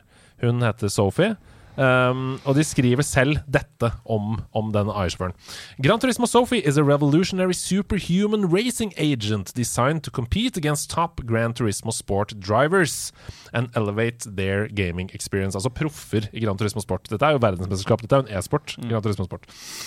GT Sophie was trained using novel deep reinforcement learning techniques, including state-of-the-art learning algorithms and training scenarios developed by Sony AI using Gran Turismo Sport. Eh, egentlig så var dette bare tiltenkt det. De aller beste i verden skulle ha en treningspartner, sånn at de hele tiden kunne spille mot eh, simulert vanskelig motstand.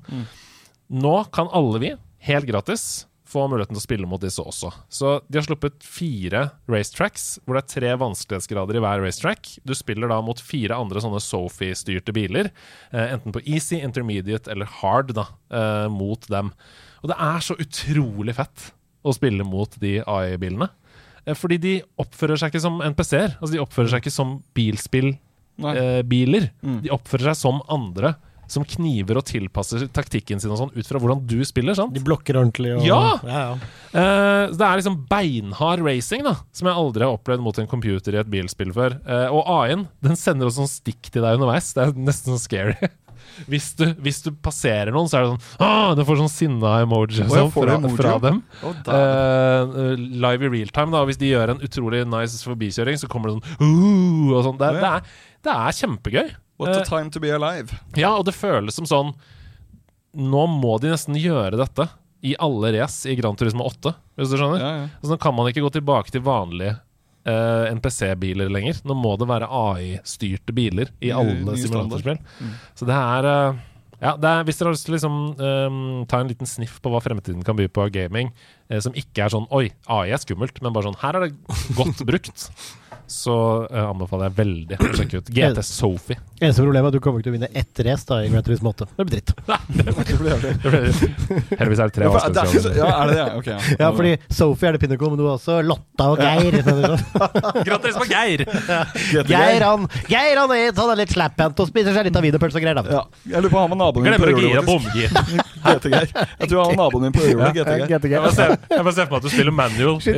GT-Sara, det er så mye Ja, ja, ja, Roy? bare ser for meg at du spiller manual Gran Turismo, og så bomgirer Geir og sånn.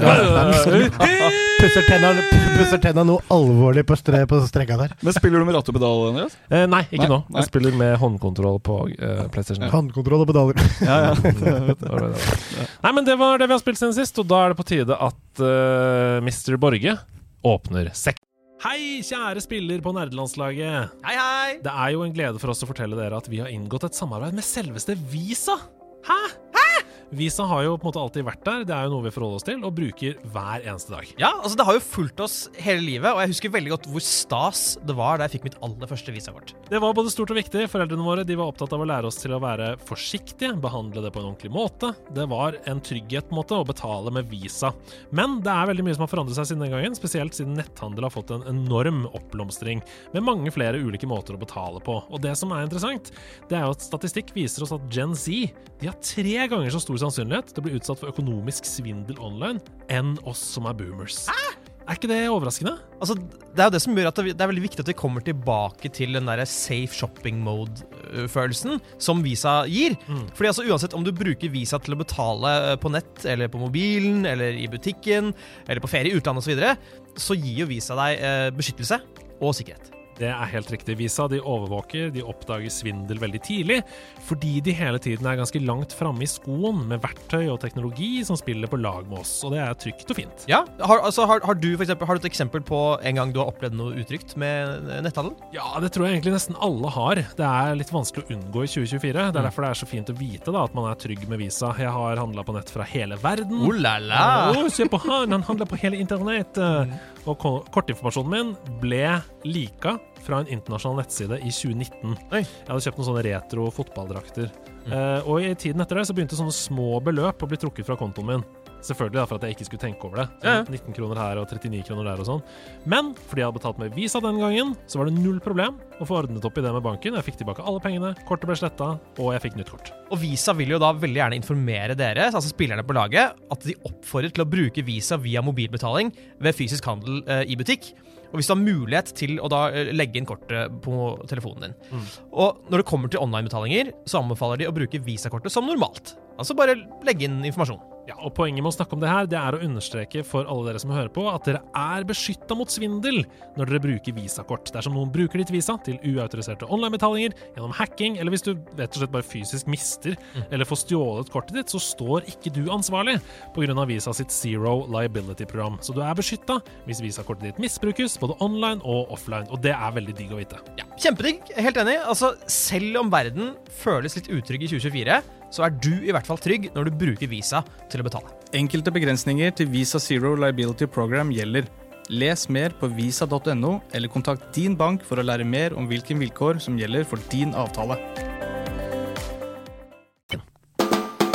Ha med, ha med dag. Hey, hey. Ha med, ha med dag. Ha med ting etter ditt behag. For det dag. Og nå sitter det en fyr her ifra Høla gjorde et sted. Og jeg kan se, jeg kan se har du, jeg lurer på hva han har med. Har han tatt med seg en liten Honda Accord-batte? Eller har han tatt med seg matte? Ja, jeg veit ikke, men det er bare sant. han elsker Red Redemption 2, og hva faen er det for noe? Hva er det kan det være i sekken hans, mon tro? Har han tatt med en pølse? Og ligger den i et vaffelskinn? Eller er det hunden min? Geir, For det jeg har med deg. Hva har du tatt med? Det er helt utrolig bra. Ja. Det er høyt nivå. Det er høyt nivå, gutter. Fra, og fra en musikkanmelder? Ja, ja, for Ja, faen. vet du hva faen er det? Du, hadde ikke radbrukket denne? Nei, altså det der var helt uh, jævlig bra. Ja. Ok, uh, det jeg har med her, det er Oi. Eh, LAN-buksa mi. Og det er for, for seerne på Twitch. Den observante seer kan kanskje legge merke til eh, en, en håndformet fettflekk foran her. Oh, shit. Eh, den er stammer den. fra det Den er fra Gap. Den er fra. Gap, ja. Det er Gap-joggis. Det er en joggebukse som en joggebukse. Espen legger foran seg. Og den, den er velbrukt, og det har en fettflekk foran. Den er ganske velbrukt. Og den har fettflekk foran, den har fettflekk bak, den har fettflekk nede, og den har fettflekk oppe. Men den stammer fra det aller koseligste landet jeg har vært på noensinne. Jeg kjøpte den eh, ene og alene til det formålet. Oi. Hjemme hos eh, Stian Fico, min gode gamingvenn. som Vi har gama sammen gjennom i 20 år snart. Mm. Og han eh, hadde en leilighet på Risløkka. I påsken 2018 så tok jeg taxi opp der med PC-en, eh, den splitter nye gaming-PC-en. Og hadde eh, det aller fineste landet vi har hatt eh, noensinne. Vi satt i en uke. Spiller jo selvfølgelig ikke Han er akkurat som meg på gaming. skjønner Han er veldig glad i immersion og simulatorspill. Så vi spiller jo ingenting multiplayer. Vi sitter jo på hver vår kant. Ja, vi spilte Transport Tycoon Deluxe, det gjorde vi. Men hvis, Open TTD, der har du fin multiplayer. du Der kan du, Hvis du kan spille simulatorspill eh, multiplayer altså det, det finnes ikke noe som er bedre enn det. Nei. Men da satt vi der og spilte uh, Vi spilte hver for oss. Euro Truck Simulator. Snakka sammen om oh. eh, hva som skjedde på veiene. Nå tar jeg sånn og sånn tur. Fader, jeg skal helt til England fra Spania, du. Og sånne ting. ikke sant? Mm. Sitter vi og skravler, da, vet du. Spiste, eh, spiste meny tom for chilinøtter oppå Gisløkka der. Det var helt vanvittig koselig. Euro Truck Simulator er et så bra spill. At det er! Helt utrolig bra. Fytti fader, altså. Du får ikke bedre Altså, simulatorspill. Altså, altså, jeg har jo hånet altså, disse simulatorgreiene som kunne vært jobb, men jo mer jeg hører om uh, the, the, the Eurotruck Simulator Mm.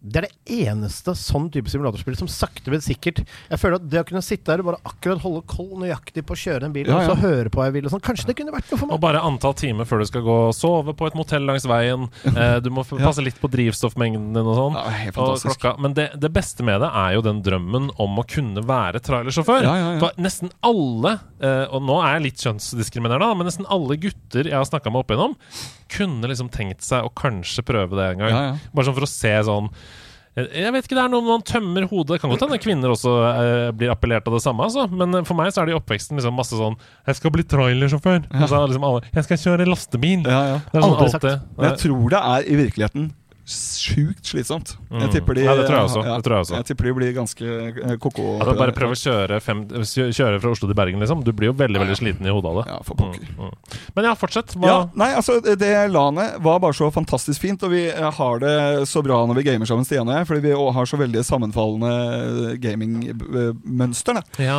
Så vi, vi elsker simulatorer, elsker immersion, sånne ting. Bortsett fra at han er litt grann løsere, løsere i sippen på den immersion-greia. Eksempel på Euro Truck Simulator så kan han skru av fartsgrensene. Oi! Ja, Det syns jo jeg er Ja, det blir tull. Det er blasfemi, altså. For da kan han bare dundre på i 120 nedover bruke ikke den tida det egentlig skal ta. Hvis det står 13 timer på den der, så vet du at det er nesten to IRL-timer, liksom. Mm. Så da skal du ikke gønne videre. Du skal forholde deg til sånn som en trailersjåfør har det. Du skal kjøre i 80 nedover hele greia. Ja, det, blir piss, altså, vet du hva, der må jeg, det må jeg bare si at jeg er enig med dere. Altså. Ja. Du skal spille Eurotruck Simulator, Ja, ja, ja. og så skal du skru av fartsgrensene. ja Det går ikke ikke. spille Forsa, da. Ja, Ja, ja. Så det går ikke, Stian, hvis du hører på eh, dette her noen gang. Men eh, vi har så veldig fin, fint gamingmønster, så når vi en gang skal spille liksom mot hverandre, så gjør vi, da skaper vi, litt sånn som dere snakka om i stad, egne regler. Så vi kan starte en eh, The Sims-game samtidig, liksom. Og så har vi laga på forhånd en konkurranse. En Excel-konkurranse eh, i eh, Excel. Det er ikke en Excel-konkurranse. Men konkurranse står i Excel. Skrive mest mulig i Excel. Dette er musikk i Andreas sine ører, kan si med en gang. Nå ser jeg han sitter og noterer her. Men da står det eksempel sånn Excel-konkurranse, sier du? Mm, Neste livestream. Men førstemann til å eksempel gifte seg med fire personer, eller ligge med Ja. ti, eller komme, komme til maks i alle liksom, skills, og komme til maks i sånn og sånn. Mm. Stian vinner hver gang, da. Men, for han er så powergamer vet du, noen ganger. Ja. Så da, da, da skaper våre egne regler, våre egne multiplayer-spill. Men hvordan ble det fettflekk på buksa? Det lurer hele internett på. Chilinøtter, jo! Ja, Risløkkas chilinøtter. Ja, helvete ikke. Det var jo chilinøtter fra morgen til kveld. Altså, eh, jeg må si eh, eh, chilinøtter, gutter. Faen for en luring, altså. For du tror, det, du tror ikke det er så usunt. Men i helsike! Altså, det er 1500 kalorier i en så lita pose. Altså, det er helt vilt, for det er jo coata i sånne potetmel, eller hva faen det er. Ja. Transfett. Og det smaker jo Finnes det noe som smaker bedre enn chilinøtter? Er Bortsett fra broccolini. Am I right? Ja, Vi lærde strides der. Ja, Ja, jeg, nå jeg prøvde jeg å tenke hmm, Er Altså- brokkolini også digg, da? Jo, ja, det er jævlig digg. Men chilinøtter er jo en utrolig populistisk smak, som jeg kaller det. Det er helt umulig å, å være uenig med den smaken. Eh, selv om du skjønner at det er jævlig ikke bærekraftig. Men da, da sitter, jo, sitter jo alle som har gama og spist chilinøtter samtidig, kjenner jo at det er jævlig mye krydder på fingra. Er Så du må jo ned på buksa av og til. Ja. Og da blir det permanente fettflekker. Jeg har vaska den 100 ganger siden. Ja. Går ikke vekk. Veldig interessant. Lukter det fortsatt chilinøtter? Her vil folk vite. Det vil, vil ikke jeg vite. Nei, sånn. Jeg anbefaler et uh, veldig nyskapende produkt som heter tørkerull. Neste gang Ja, vi skal ha Jeg, jeg rører ikke tørkerull. Det er nedrig. Ja, men hvis du har ei buk hvis du har ei bukse du liker, så kan du ha et sånn håndkle over skulderen. Det kan du ha. Du kan ha en liten sånn høyverdig flekk, sånn der, hva heter det, smekk. Ja, eller kanskje, vet du hva, neste gang du kjøper deg en ny landbukse, ta med den gamle da vel, og slegg den over skulderen og bruk den til Ja, ja, nøttefettet. ja, ja. Eh, tusen takk for en nydelig ha-med-dag. Jeg lar det være Ja, ja. siste ordet. Jeg rører ikke tørkerull. Hilsen Espen Borge.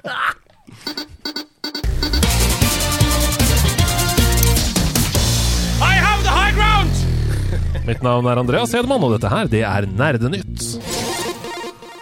Det er litt nyhetsspalte her. Vi har jo folk som eh, følger med i tiden. Derfor kan vi diskutere alle sakene, istedenfor at det blir en sånn bullet point-sending som jeg hadde lagt opp til. En, eh, Vi skal innenriks først. En norsk velkjent utviklertrio åpner nå nytt spillstudio. Det annonserte de i Facebook-gruppa Norsk spillbransje tidligere denne uka. Eh, kjapp digresjon. Alle norske spillstudioer der ute som hører på denne podkasten, skriv nyhetene deres i den gruppa Norsk spillbransje på Facebook, for da får vi det med oss her i NR-redaksjonen, og så leser vi det opp i nyhetsspalten.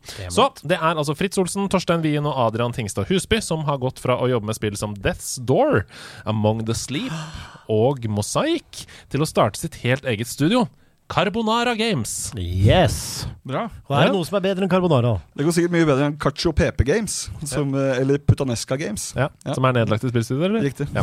De har fått eh, 225 000 kroner i tilskudd fra Viken Filmsenter til å lage sitt eh, første spill, med arbeidstittelen Prosjekt Crop. Eh, her kommer, uh, her kommer eh, den lille heispitchen, som dere skal si om dere har troa på eller ikke. da, basert på denne heispitchen. Prosjekt Crop er en drømmende thriller med en spillerdrevet tilnærming til historiefortelling. Spilleren må lete etter svar i en isolert landsby, samtidig som de forholder seg til dagliglivet og merkelige hendelser på et gammelt småbruk. Gradvis avdekkes et uhyggelig mysterium som hviler over landsbyen. Ja. Veldig lite om gameplay og sånn her, men det er jo en slags stemningsskapende pitch. da Det lukter jo M. Night Shyamalan. Ja, ja, ja. Men det høres jo også litt ut som de fleste andre spill som utvikles om dagen, som er veldig, sånn, veldig historiefortellingbasert og veldig sparsommelige på grafikk og alt mulig sånn annet. At det er mye pek og klikk om dagen.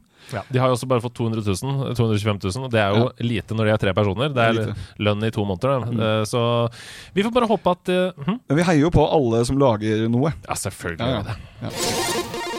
Pressfire.no er spesielt flinke i Norge til å grave fram og skrive gode nyhetssaker som omhandler vårt eget land. Og denne uka så skriver de at forskere ved NTNU nå bruker spillteknologi til å forbedre hjertebilder. Det er altså den diagnostiseringen av hjertepasienter som har blitt bedre ved at ultralydbildene i sanntid blir skarpere enn de har vært før. Bruken av uh, algoritmer til å gjøre bildet skarpere på den måten, det er ikke noe nytt konsept. Uh, en test rundt år 2000 fungerte bra, men utstyret har vært for stort, det har vært for dyrt, og det har vært for dårlig til at den korrigeringen i sanntid da har vært mulig. Men spillbransjen sitt jag etter bedre og mer realistisk grafikk har blitt løsningen. Rett og slett. Ja. Så grafikkort er jo dag så kraftige, så effektive, og i det store bildet, når vi snakker om medisin og skuespill og sånn, billig. Og Eh, så utsolgt. ja, eh, ikke nå lenger, da, for det er ingen som skal mine etter bitcoins lenger, fordi krypto er helt ødelagt. Ja. Men eh, nå kan de altså brukes til å prosessere da, enorme mengder data på kort tid. Årlig så utføres det mer enn 100 millioner hjerteundersøkelser i Norge. Og det anslås at 10-15% av dem gir bilder som ikke er optimale. Altså uskarpe. Det er pga. at noen har forskjellig type underhudsfett, ribbein i veien og sånne ting. Um, den teknologien her kan altså så mange som 10-15 millioner pasienter få en bedre og mer presis behandling. Som redder liv, da. Det, vet du hva, det der er en glad- gladnyhet. Det er gladnyhet, ja. Helt Ja. klart en gladnyhet. Rett og slett Er ikke det så mange hjerteundersøkelser? Tenk på det, 100 millioner i løpet av et Det må jo være, altså, det må jo være noen som drar opp noe Ja, så det er en, en viss gjeng da som pleier å spise en del chilinøtter Ja, ja, ja. Altså, men fy flate, det må være mange som blir sjekka mange ganger i løpet av året. da Det som er at det er veldig mye nerver og sånn rundt eh, ribbeina, rundt Ja. brystet og sånn. Og en del eh, angst, eksempel, eller veldig høyt stressnivå på jobb, fører til en del smerter i brystet. Ja. Og det vil man jo sjekke. Ja, ja. Så det er en del sånn MR-scans og sånn. Men uansett, overlege Bjørnar Grenne ved Klinikk for hjertemedisin på St. Olavs hospital, han sier at denne nye teknologien den bidrar til bedre, bedre diagnostisering, og er definitivt et gjennombrudd. Du verden. Hei! Hey! Gaming redder liv. Har du gjennombrudd-jingle, eller? Gamere fortsetter redde. Nei, jeg har ikke det. Vi. Gjennombrudd. Ja, lag den, Fark. Eh, Ikke, vi, la, ikke langt farge. vi Vi skal- den. vi skal også ta med på slutten at hvem som helst nå kan bli medeiere i Telialigaen, i Level Up og i gamer.no. For Good Game AS, som er majoritetseierne av alle de nevnte franchisene, de er up for grabs på folkeinvest.no. Og administrerende direktør i Good Game, Erling Rostvåg, som også har vært gjest her i nederlandslaget, han sier dette til deg som er interessert, som hører på. Vi satser på ytterligere vekst og åpner nå for muligheten for at du kan bli medeier. Vi gleder oss til å få enda flere på laget når vi skal ta Good Game til nye høyder.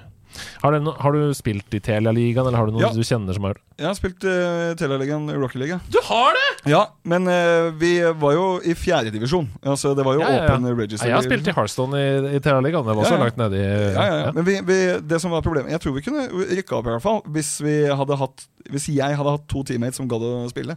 ja. Men uh, det var veldig vanskelig å få til. Men eh, den gangen så var jeg ganske ålreit. Det har blitt eh, stilt spørsmål i chatten her. Jeg, jeg, det var naturlig å ta det opp igjen nå. Hvilken Rocket League-rank dere har, Ja. to. Og det er ikke noe imponerende pl- platinum et eller annet. Ja. Ja. Nå er jeg vel eh, champ tre, men jeg var jo grand champ da det var høyeste rank. Fordi da, det var da Shit, vi jeg skal spilte så fryktelig spille sammen. Altså, Ja, du kommer til å dra meg opp så veldig. Nei, det, ikke nå lenger, tror jeg. Fordi nå spiller jeg liksom eh, Det, har, det skjer jo så mye i Rocket League hele tida. Det er nye mechanics døgnet rundt. Så det skjer så mye med det skill-gapet. er bare så jævlig stort nå. Eh, spesielt når de har fått Grand Champ 1, 2 og 3 og SSL på toppen. Mm. Så jeg er ikke i nærheten av det nivået jeg var på. Men eh, det, da var jeg ganske ålreit den gangen der. Men vet du? Vi skal videre i nyhetsspalten. Tidligere denne uka her så fikk vi vite at releasedatoen for Skyrim-skapernes neste storspill Starfield kommer nesten et år senere enn planlagt. Det utsettes altså fra 11. november 2022 til 6. september 2023. Eh, Hvor, hvordan kunne de sikte på november 22, og så kommer det september 23? Spiller vi aldri kommer til å spille det der? Eh, Vi har fortsatt ikke sett ordentlig gameplay etter den noe skuffende showcasen i fjor, men vi har lovet en egen direct-sending som går i dybden på spillet den 11. juni. Så da får vi bade litt på formiddagen, og så får vi gå inn og se på Starfield Direct på ettermiddagen. Sony rullet onsdag ut en ny systemoppdatering for PlayStation 5, som inkluderer bl.a. VRR i 1440p-oppløsning, og kanskje det aller mest interessante, nemlig støtte for stemmechat via Discord. Hei! Og det skriver altså gamer.no. Discord fungerer på PS5 sånn som du gjør på Xbox. Du må først koble opp Discord-kontoen din og PS Network-kontoen din sammen, og så eh, må du starte en samtale via Discord-appen på mobil og overføre den til konsollen. Kjempelett. Litt kronglete, eller? Ja, det Ja, litt kronglete, men vet du hva? Fucking all, det er et til... Nå var det, begynte jeg å banne også, ikke Ja, sant? Men, ja. men, men, men for. Det er et tilbud jeg tar, altså. Ja. Fordi det er eh, Ja, det, det er deilig. Takk. Det Det er viktigste, for, nei, det viktigste for meg med det, for å erstatte eh, PlayStation sin egen voicechat, det er null delay. Ja. Det er det viktigste for meg Yep. med Discord, eh, som har veldig mye å si i kompetitive spill, sånn som Rocket League og Overwatch. Og da får du den Da får du den forbaskede miksen som du trenger med Fordi det, jeg har brukt masse Discord, hvor du bare har Discord og spiller PlayStation ved siden av. Ikke sant? Mm, mm. Uh, og det er da får du ikke lydmiksen. Jeg tror faktisk Rocket League-proffene tror jeg bruker Teamspeak. Ja. Godt uh, innspill. Tusen takk. For en utrolig del ting å si! Siste episode av The Last of Us på HBO kom denne uka her, og det var akkurat så viktig og bra som den måtte være. Vent, hva sa du siste episode? Av sesong én. Og mener du det? Altså, det var siste, det? Mm. Det er eh, den slutten du så, uten å spoile noen ting, er slutten i spillet også. Siste episode av Last of Us HBO kom også det. I et intervju med GQ denne uka her, så bekrefter showrunnerne Craig Mazin og Neil Druckmann at sesong to av HBO-serien bare vil ta for seg første del av The Last of Us Part 2, og at å, altså serien kommer til å få flere sesonger basert på ett spill. Eh, Her er et sitat. Du har helt riktig merket til at vi ikke vil si hvor mange sesonger det er snakk om, men mer enn én er helt riktig, sa Amazing kryptisk på spørsmål om veien videre. Så det kan hende det blir tre sesonger basert på The Last of Us Part 2, og det er ikke så rart, for det er jo et sabla svært spill Ja, ja. kontra det første. The Last of Us er en enorm suksess på HBO, eh, og med kommentarartikler på lederplass i VG om spillet, så må vi alle sammen være veldig lykkelige over at serien bidrar til å skape mye større forståelse for kulturopplevelsene man kan få gjennom spillmediet. Mm. folk omtalte jo The Last of Us som Ja, det er jo det zombiespillet, liksom, før de har sett serien nå. Uh, er ikke det fantastisk av dere? Jo, jo. Nei, men altså, det er litt sånn som uh, Titanic også. Det er den båtfilmen. Det mest etterlengtede spillet akkurat nå er mest sannsynlig GTA 6. Enig. Men alt vi har sett så langt, er en formell anerkjennelse av at spillet faktisk eksisterer, pga. den store lekkasjen som kom i fjor av spillet. Eh, Men nå ryktes det altså at det ikke er lenge til vi får vite mer. På GTA-forumene så sier den pålitelige insideren Tez2 som tidligere har lika millimeterpresis informasjon knyttet til det spillet. Har noe Han jobber kanskje, han, i Rockstar. Ja, ja, eller henne, henne, eller hvem Ja, det er. ja. Spillet forventes å bli presentert med en trailer før utgangen av året. Rockstar sikter mot et utgivelse eh, innen vinteren 2024. Nei, nei, nei. Det, ja, det kommer jo aldri Jo, til å skje. men altså, jeg tar heller en ærlig Altså, jeg tar heller en ærlig vurdering av det, ass. En sånn derre Ja, vi får se, men det lukter 20 Nei, det gjør det ikke. Vinteren 2024, I'll take it. Ja, men det, altså Da snakker vi jo vinteren 2025. er- Ja, ja, ja. Best. Altså, når var det vi fikk Starfield annonsert? i 1996? Ja, ja, ja. Nei, men brukeren skriver jo det, det, det Du er inne på det. Brukeren skriver her De sikter på 2024, men det kan gli inn i begynnelsen av 2025 òg. Ja, det kan det, ja. Ok. Eh, personlig ser jeg for meg en kunngjøring som helt åpenbar i år. Jeg tror ikke toppledelsen i Rockstar er i posisjon til å utsette ytterligere til f.eks. 2026. Nei. Eh, å kutte flere deler av spillet for så å pakke inn i DLC for utgivelse senere, kan være den bærekraftige for eh, løsningen for ledelsen enn å forsinke utgivelsen. Jeg tipper, jeg tipper at det vi har med å gjøre her, er en slags eh, Jeg kaller det en sånn arcade krimsimulator i urbane omgivelser, altså, hvor du møter noen kriminelle typer, og det blir skyting og bilkjøringer. Det tipper jeg vi får, altså. Det skulle ikke forundre meg. Vi vet egentlig ganske mye om spillet, basert på Ja. leaksene, og det er et slags um, er eh, Vice City-aktig. nei, hva heter de to kvinnelige skurkene som var på veien? Bon, ikke Bonnie and Clyde, jo. Jo, det er, det er, det er Thelma and og Louise. Ja, riktig. Mm. Thelma and Louise. Det er en sånn aktig historie med to kvinnelige hovedroller. Ja. Uh, de har også uh, Rockstar kommer til å gi ut mer enspillerorientert delelse, skriver også Tez2 for dette spillet, enn de gjorde for GTA 5. Der var det jo hovedsakelig GTA Online-innhold Mm. som kom. Ja, fordi det var ikke, det var ikke noe Det ble jo lovt veldig mye delelse av det. Mm. Det kom ikke. Nei. Vi skal til været, eh, helt på slutten av nyhetsspalten her. Spillhorisonten er full av variert nedbør denne uka også. Ja, vi begynner med Supermassive Games. Eh, selskapet bak VR-opplevelsen Until Dawn, Rush of Blood, som du aldri har spilt. Nei, overhodet ikke. For det er både skytespill og horrorspill. horrorspill. Jeg har ikke hørt om det engang. Jeg har spilt det, faktisk. Ja, jeg har runda det. Elsker det. det er, du, du sitter altså i det spillet på en slags berg-og-dal-bane-ride, og så blir du utsatt for grusom horror, da, som du må skyte på. Og det er VR, sier du? Ja, og det kommer nå en spirituell oppfølger som heter The Dark Pictures. Eh, Switchback VR til PlayStation VR 2 kommer nå på torsdag 16. april. Det er et must-buy for horrorfans som har PlayStation VR 2. da. Du sitter i en berg-og-dal-bane, skyter på ting. Jeg runda Rush of Blood, det første spillet, flere ganger. Både på normal og hard, og jeg digga det, selv om det var veldig skummelt. Og du vet jo at jeg er veldig redd for sånne ting. Ja, ja. Men grunnen til at jeg ikke var redd for det, er jo fordi du kjører på en ride. Så Nå, du, fordi det ikke var så skummelt. Nei, det var skummelt, men du kjører på en ride, så du er hele tiden på vei videre. Det er ikke sånn at jeg må selv aktivt tråkke inn i et nytt rom, og her er det skummelt og mørkt og farlig. Jeg sitter på en ride. Jeg kan ikke gjøre noe. Jeg Du må tvinges inn i horroren, du, Andreas. Ja, det er det jeg må! Tving meg inn i horroren, pleier jeg å si. Kan jeg spørre deg om det, Andreas? Ja. Spiller du mye VR-spill? Ikke nå lenger. Nei, Jeg spilte okay. veldig mye da PlayStation VR 1 kom. Ja, for jeg hadde Oculus eh, Quest 2. Ja, bra. Uh, og da uh, var jeg veldig skuffa over utvalget på spill. Ja. Hvor, uh, hvor store de var, og forseggjorte de var. For jeg hadde regna med at det skulle være liksom, litt sånn som du får utenfor VR. Ok. At det var liksom så, såpass digre greier. Men det er Ja. veldig sånn enkle Ja. Sånn shoot them up-greier. Vi snakka litt om det i forrige episode. Ja. At vi mangler fortsatt det store eh, 20-30 timers fritt gå roame rundt Ja. Triple A-spillet. Ja. Altså Red Dead Ja, ja. 2 da, i VR, liksom. Men så er det samtidig ting som Alex og sånn, da. Mm. Ja, og Half-Life Alex er det Ja. nærmeste. Ja. Det er det nærmeste som kommer. Men Mm. det er jo da til Steam sin egen VR-konsoll låst bak der. Kjempeproblem. Men altså, jeg har Oculus uh, Quest 2, Ja. og det har i starten, enig med deg, men så var jo de tingene som jeg hadde gledet meg mest til, altså sånn, det jeg vil ha var Beat Saber, egentlig best. så det er jo helt konge. Men jeg har faktisk øh, hatt en del kule opplevelser på Quest 2 nå, og det syns at det kommer mer. Jeg kan, jeg, vent, ok. Du må, altså, just you lose, altså den mannen, Ja. han går Ja, videre han går videre, han før du går veit ordet. Jeg skal bare gi en shout-out til Elena Aronsen, som er verdens beste på Beat Saber. Wrestling-fans unite! Ja, jeg ser på deg, Ken Vasenius Nilsen. På fredag så kommer The Undertaker tilbake i arenaen når EA og 2K sitt WWE 2K23 uh, kommer ut. Og det ser ut som alle wrestling-fans sikkert ønsker seg. Wrestling-spill. Det eneste som jeg syns jeg reagerer på nå, det er menneskemodellen, altså. Nå er det for lazy. Uh, vi må videre fra Fifa 17, folkens. Det ser, altså, det ser, de har rare ansiktsanimasjoner. Når wrestleren blir tatt i bakken, så er det sånn «Hæ? Jeg smiler litt da. vondt. Au. Det er liksom Det er ikke realistisk nok, altså. Skulle tro at det ikke var der de putta alle pengene sine. Nei. Ja, for det, men dette er EA, sier du? Jeg, jeg Ja, ja begge det. Altså, det er jo utgiver er EA, Ja. men utvikler er 2K. Okay, okay. Så uh, det er bare Det er litt stive modeller, men ja. Jeg vet ikke. Fifa, Du kjøper heller ikke Fifa fordi det ligner så fryktelig på realistisk Mbappé, gjør du det? Nei, men altså, det er faen meg kommet et stykke. Selvfølgelig, det er en del wonk der òg, men det er ikke sånn Jeg, altså, jeg merker at jeg, jeg blir ikke pissed hvis ikke smilet sitter på en måte når du Nei, mål, men nei. de har i hvert fall kommet et stykke. Og forrige gang jeg så et wrestlingspill, så var eh, det var plastelina å gjøre det sjøl, det. Papir og tråd til, noe der og greier. Eh, anyways, ute på fredag 17. mars, alle konsoller bortsett fra Switch og på PC. På fredag så kommer det i min bok langt mer interessante Bayonetta Origins, Cereza and the Lost Demon, til Nintendo Switch. Eh, og det er altså et actioneventyrspill i en helt annen stil enn Bayonetta-spillene. Det ligner på Hades. En selvshada, nydelig gjennomført animasjonsstil.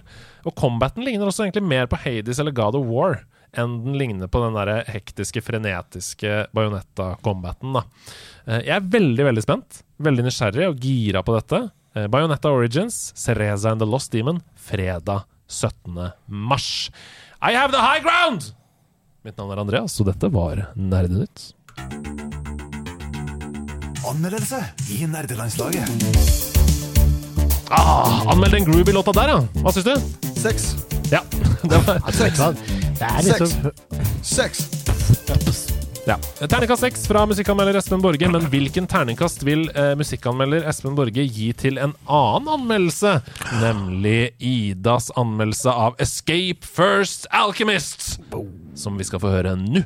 Finally, you are here. Yes, yes, I'm a talking book. Get over it. Look, you're probably wondering what you're doing here. I promise it'll all make sense soon enough. Jeg er av typen som liker å ha det gøy. Og når jeg blir spurt, pleier jeg å si at escape room er det morsomste jeg vet. Det er en av de tinga jeg googler lenge før jeg planlegger restaurantbesøk om jeg skal på ferie. Dette escape room-behovet har jeg i det siste i stor grad fått stilt på House of Nerds sitt VR-rom. Men jeg, ja, du vet, jeg er en mye vil ha mer kind of girl. Det var helt tilfeldig at jeg kom over spillet Escape First Alchemist. Dette er det første spillet i Escape First-serien som jeg har testa, så her gikk jeg inn helt uten forventninger. Allikevel så har jeg faktisk en del erfaring med escape room, både i fysisk VR og brettspillformat. Og de første minuttene så var jeg faktisk veldig skeptisk. Dette er et førstepersonsspill der man med fordel kan justere litt på kamerasettings for å unngå å bli helt sjøsjuk. Det er iallfall min eh, erfaring. Og jeg bytta også fra mus og tastatur til PlayStation-kontroller for å få et bedre spillopplevelse.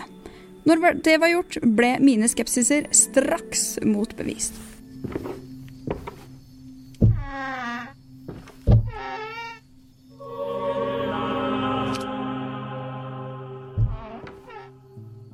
I Escape First Alchemist befinner du deg plutselig på det gamle arbeidsrommet til en alkymist som kun snakker til deg gjennom en magisk bok.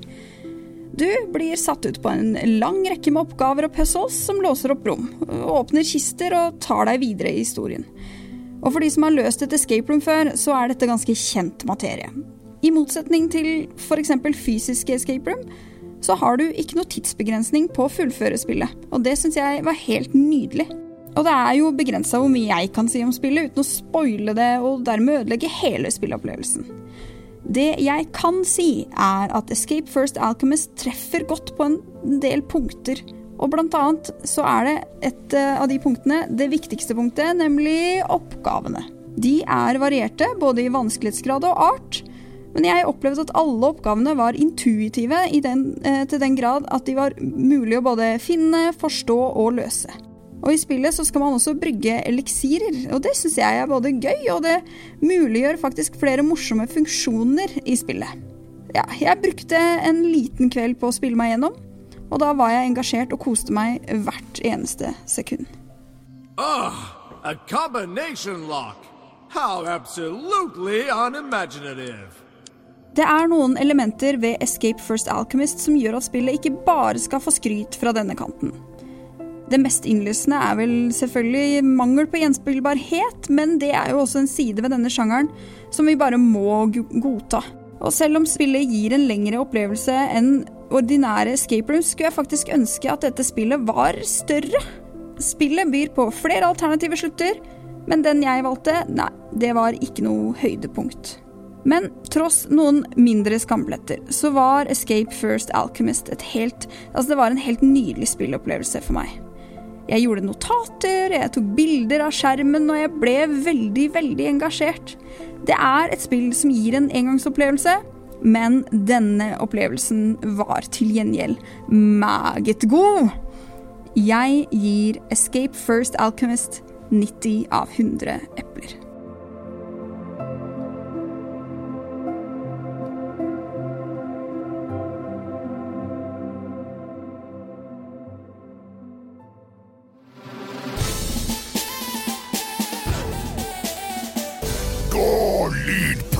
Lydplanken! Du din lille rødhårede tufsepirat Espen Borge, gå ut på lydplanken på mitt piratskip, for nå skal du konkurrere mot Sebastian Brynstad.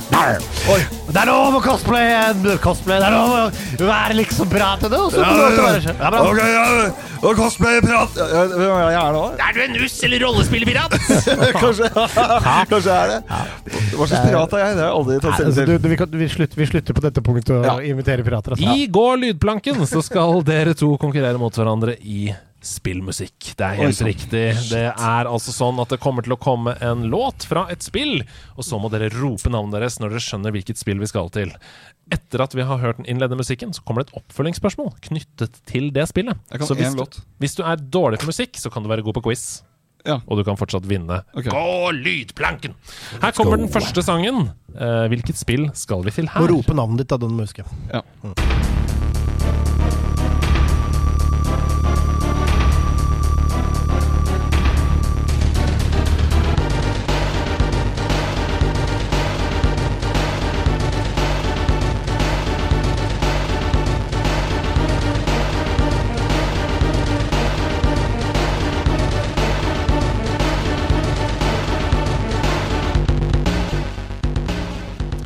Hvilket liksom, univers skal vi til? Hvilken konsoll? Altså, hvor, hvor føler dere Det vi høres er ut som noe 90s-greier, da. Ja, Ja, lukter ja. Nintendo, Super Ja, Nintendo lang vei. Veldig kul musikk, da. Ja, veldig. Ja, lukter Super Nintendo lang vei. Hva, hva gir disse Er det sånn syntene det- dere?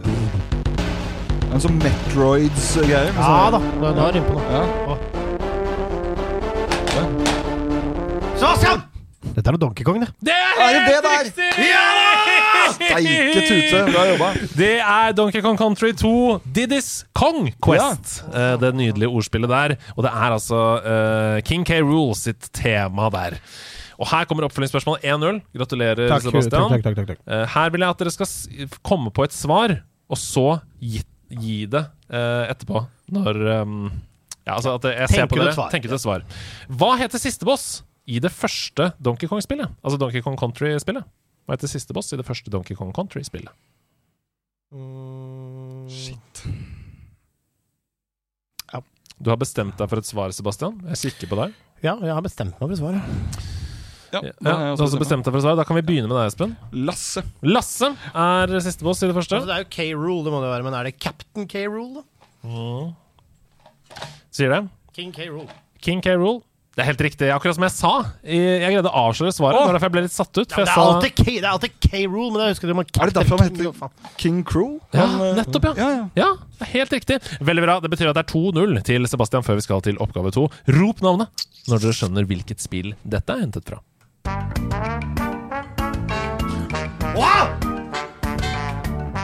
Seba Espen! Nei, det er sikkert feil, men er det Grim Fandango? Å, det er ikke det! Nei. Sebastian! Det, ja, du skulle ha fått den, men dette er uh, Oi, herregud. The Guybrush Threepwood. Nå står Monkey Island. Det er helt riktig. Det er Monkey Island! Og du var så nære! Ja, det er faen ikke langt unna. Ja, det, ja, nei, det, Det var pek og klikk-spillene som Ja. roterte i hodet ditt, og du sa Grim Fandango. Ja. Og så var det Monkey Island, altså. Fanten. Ja, ja, ja. Tute. jeg tok det altså fordi ba, ba, ba, ba, ba, ba, Det minner veldig om Grim Fandangoen, Ja, ja. men du tar det på steel drumsen i bakgrunnen. Ja. Det egentlig er Calypso. Calypso. Calypso Times. Ok, Her kommer oppfølgingsspørsmålet. Nok en gang, Bestem dere for et svar. Hvordan fikk Guybrush navnet Guybrush? Hvordan fikk Guybrush navnet Guybrush? Tusen takk til Septastic for disse fantastiske oppgavene. Du er en, et geni. Design no, så han kan gjerne svare først. Ok, Da uh, ser jeg på musikkanmelder Espen Borge, som gnir seg selv i det røde skjegget. Ja, dette er ikke lovende. Dette er ikke lovende. Mm.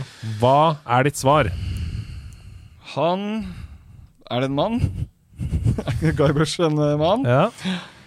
Han lånte det på biblioteket. Han På lånte Skaus på biblioteket på Skaus plass. Yes. Veldig spesifikt der, altså. Ja. Det var det fila på konseptarten het, vet du. Det var det fila på konseptarten het, ja.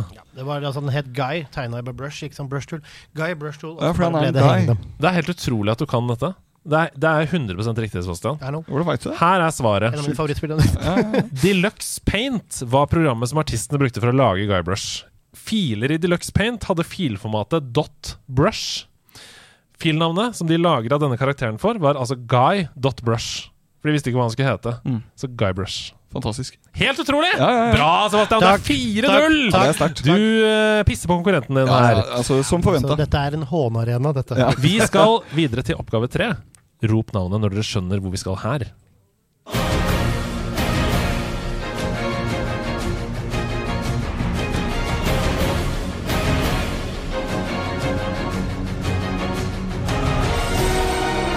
Sebastian. Final Fantasy? Å, det er nære. Det er samme sjanger. Men det er ikke det. Men fy søren, så rå musikk.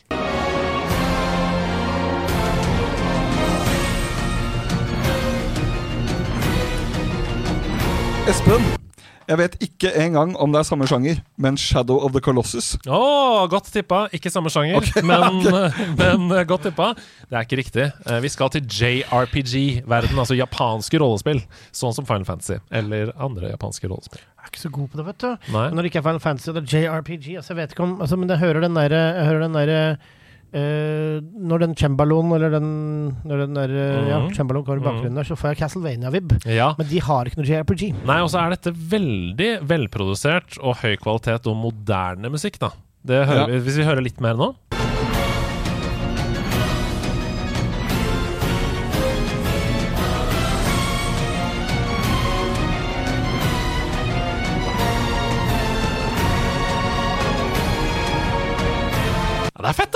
Dritfett. Det er fett, ass. Veldig, veldig, veldig fett, ass. Jeg tror aldri jeg har hørt om en eneste JRPG-spill. Nei. Er Ghost of Har du hørt om det? Pokémon, for eksempel? Å ja. Er det JRPG? Ja, japanske Men rollespill. det er ikke dette Det er ikke dette Aldri spilt det. Det er ikke dette Nier Automata. Nei, men det er også veldig bra tippa. Eh, jeg tror ikke dere tar dette her. Jeg er usikker Persona. Nei, det er heller ikke Persona. Ja, Men og da herlighet, du, du briljerer med referansen her! Dette er Octopath Traveler. aldri Eh, ganske nytt eh, rollespill. Og her er da spørsmålet, og nå må dere nesten bare gjette, altså.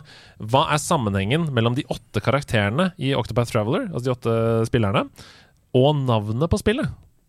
Hva er sammenhengen? Og her skal dere få et hint fra Septastic, og det hintet er navnene er hintet. Mm, Ja, Da er navnet svaret, da. Nei. Nei. alle heter noe med Okto. Nei.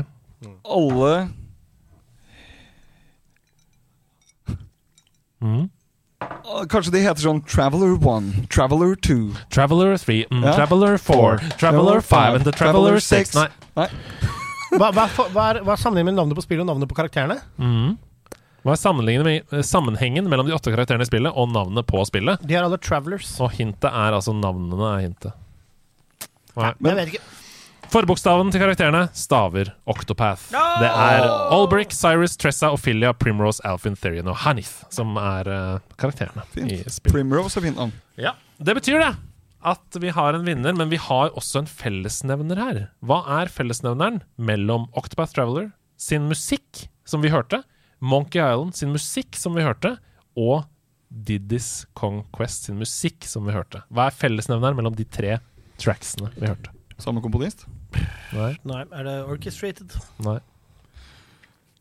Er det utrolig fett? Ja, det er jo utvilsomt, så du får Ja, nesten poeng. for det. Ja, ja, Eh, men det er ikke Dere ser ut som to store spørsmålstegn. Ja. Det høres ut som veldig voldsomme themes, på en måte. Eller hva, hva er det som skjer her, da? Er det crescendoer? Nei Å! Er det bossfights? Å, dere sier det helt Bang! riktig! Dere deler poenget, for det er helt riktig! Det er bossfight, så dere sier det helt riktig. Men din lille piratgutt, du må ut og gå lydplanken! Gå planken, for du taper denne Det konkurransen! som du går planken. Ok, da får jeg vel gå planken, da. Åh! Plask. Det er så bra. Ja, det er utrolig bra rollespill. Du tar det på strak arm. Den strakeste armen. Ja, men du tapte selvfølgelig. Sebastian Selvfølgelig. Takk. du er et geni. Tusen hjertelig. Var det 5-0, eller? Nei da. 4-0. Ja. 5-1. Ja, ok. Men vet du hva? Vet du hva? Vet hva? Dette var opp min, uh, opp min gate. Gratulerer med det. Vi ses igjen neste uke, vi, på Gå- og lydplankeskipet. Ragarak. Well, actually, surely what you're saying is a balderdash of ox's feces, sausage tissue, urine talk. On, on the contrary, no, no, no, no. I'm back to differ! De nerde strides. Der er vi. Det stemmer. Din ærede strides. Eh, Espen gliser i skjegget. Ja, men hva, hva har du tenkt å si som setter fyr på studio? Nå skal jeg si det. Jeg, altså, det sto mellom to ting. Okay. Men jeg, kan, jeg har valgt ut én ting, og så kan jeg kanskje ta den andre etterpå hvis det er tid. Ja, vi får se, da. Nintendo. Alle spill Nintendo lager, er barnespill. Ok! Wrecked. Wrecked. Ja, det, altså, alle spill som Nintendo lager, det er jo en viktig, viktig parameter. Det som vi eh, startet hele denne episoden med å snakke om, var jo Shop. Espens tilkortkommenhet. Altså, han kan Generelt. ingenting. Han, han liker ikke å snakke om spill, for han kan ingenting. Ja, jeg kan det. For et koselig, trygt rom vi har laget der. Jo, jeg elsker å snakke om spill. Men det er, jeg elsker å snakke om alt jeg ikke kan noe om. Jeg, jeg kan snakke om hva som helst. Men Nintendo alt som jeg, Altså jeg kjøpte Nintendo Switch en gang pga. Stian. Og da uh, fikk jeg med et spill som het Splatoon. Ok? Uh, og Selda. Fantastisk eh, Splatoon, fantastisk spill. Jeg mener det. Mm. Ikke sant? For det er jo fullstendig Altså, Jeg syns synes det er helt ok. det sier seg sjøl uh, Hva tenker du om dette spillet? Bajonetta, som kun er utgitt på Nintendo? Barnespill. Barnespill, ja. Barnespill, ja. Altså, du, kommer, du, kommer til å tape denne her. Altså, jeg tror jeg ville, altså, denne kommer til å tape uansett. Altså, jeg tror jeg ville kanskje mod, mod, moderert det til Ja, men, de fleste, på en måte. Ok, men jeg har ikke noe, Men jeg det er har jo ikke noe imot å Nintendo tape. som har lagd det. Er, er det Nei, for det er nettopp det. Nettopp det. La oss Ja. modifisere. Jeg elsker, jeg, jeg elsker bare å krangle. jeg. Altså, jeg trenger ikke å vinne. Jeg bare elsker å krangle. Men uh, jeg må si til og med Selda fremstår for meg som et barnespill. Okay. Jeg har veldig lyst til å spille det i Breath of the Wild også, men eh, det fremstår som et barnespill. Så du må være i barnespillmodus. for å spille- Nei, nei, Breath of the spille. Wild er et fantastisk spill Ja, jeg hører folk sier det! Jeg hører folk sier det. Det er jo Ja. masse terror i det spillet. da og Er det det er, eh, Tenk på Ocarina of Time, Shadow Temple. Grusomt horrorspill. Ja, herregud, Ja, nå ja. Ulrikke Meinhof, hovedbossen, kommer der. Ja, Tenk på R.L. Stein-bøkene, som også er eh, fantastiske horror og terror.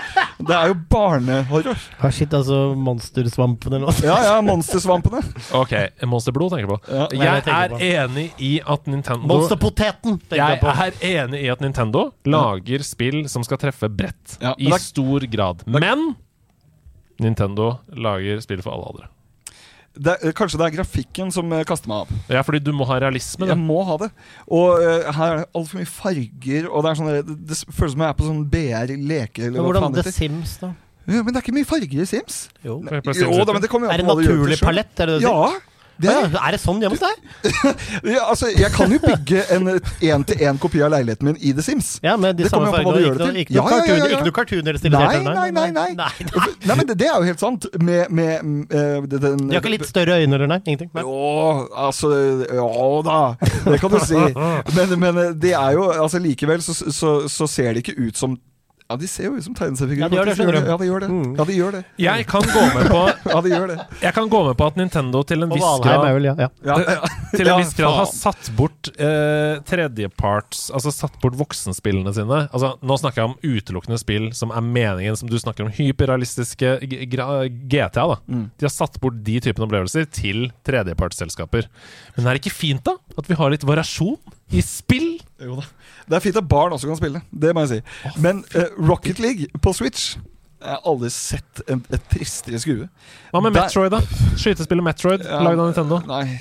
Nei takk. Nei, det er et men det er ikke et Ja, barnespill! Jo, jo.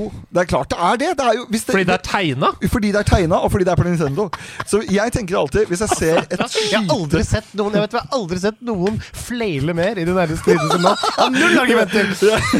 Men hvis jeg, hvis jeg ser et skytespill som det står Switch på øverst, så tenker jeg dette er for barn. Dette er ikke noe, her er ikke noe gore-realisme i det hele tatt. Dette er bare Espen Borge, du er det vi kjemper mot i nederlandslaget. Du, du, er, du er på en måte Du er den største fienden nederlandslaget har. Hva da? Det er du som gjør det vanskelig for uh, voksne mennesker å ta opp Nintendo Switch på bussen. Ja, Er dere så glad i Switch? TV-spill-grinsjen, kaller vi det. Nei, jeg syns ikke det er noe gærent å ta det opp på bussen, men da må du ha ungene ved siden av. Du må ha Rufus-kort for å få lov. Du gatekeeper ut en hel verden av voksne. Hvor gammel må du være for å slutte å spille Nintendo-spill? Det er det. Elleve. Nei da, altså jeg Ja, bare men jeg jeg kan, altså, nei, men jeg kan elske det. Det er akkurat samme grunn til at Ja. Red Dead Redemption 2 er verdens mest Ja, søplete spill. La mannen ha meningen sin. Ja, jeg. fordi jeg elsker at du var kontrær på det, Ja, ja, jeg vet for jeg elsker å være kontrær sjøl. Espen Morge, gratulerer. Du Tusen har gjort et helt nederlandslag rasende, og du tar selvfølgelig 100 feil. Ja, Men det jeg, jeg jeg skal forsvare eh, retten din til Ja. å ha den meningen Ja. til jeg dør. Men hvis du får trusler, skal jeg stå skulder mot skulder, for det er lov Ja. å hate ting av andre. ja, ja, men jeg er fullstendig forberedt på Jeg, jeg regner med at dette er feil, stort sett. Å si at Nintendo-spill er for barn utelukkende, er det samme som å si at Vet du to pluss to er tre. på en Vet du måte hva? Vet du hva? Nå, jeg, føler, er jeg, jeg føler meg i humøret. Vet du, Espen? Nei. Alle Nintendo-spill er for barn. Ah, shit! Bang, bang, bang. Ja. Nei, men det er jo feil. Altså, Ja, det, mener det er det samme som å si, det betyr det er at det man samme som å si at norsk er, uh, favoritt, er språket i Sverige. Okay, norsk men- er språket de snakker i Sverige. Jo, det er veldig det mange i Sverige som jeg. snakker norsk. Jeg mener at norsk er språket de snakker i Sverige. Ja, men, Det er din mening. Hvis jeg, kan, hvis jeg bare skal moderere bitte litt, som man jo egentlig ikke skal gjøre som kranglefant Når jeg ser et Nintendo Switch-spill, Ja, så, så tenker jeg på at dette er til barn. Ja, og da, da, da Jeg tenker du feil. feil. tror fankeren meg bankeren meg at The Manhunt kom på Wii. Det stemmer. Mener du det? Ja. Manhunt er på Switch. Og Men det er et barnespill. Men, jo, jo, men da er det sikkert, du, da er det sikkert ikke du, det er tegna til, og Luigi er med, og det er sånn uh, altså, Luigi skjenker Mario i halsen!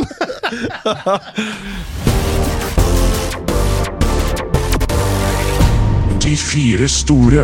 Let's go. Jeg bryter av de nerde strides for å gå videre, for her kommer vi ingen vei med kranglefatten Espen Borge. La oss heller høre på en deilig liste over fire store ting. Og det kan være fire store hjulkapsler som du kan putte på bilen din. Det kan være fire beste ketsjupene du kan putte på pølsa di. Det kan være fire beste vaffelrør du kan lage vaffelen din med. Men hva er det Sebastian Brynestad har laget i dag? Du, jeg skal rett og slett fatte meg eh, som vanlig i korthet i de fire store. Jeg har med meg, jeg, rett og slett, en liten eh, Oi, nå klarte jeg å bla litt vekk fra den. Jeg må bare se lista mi så jeg ikke sier no feil. Vil du ha sånn der kajung mellom hver ting på lista di? Sånn som Om det ble jeg veldig- vil ha kajing! Det trenger du aldri å spørre om.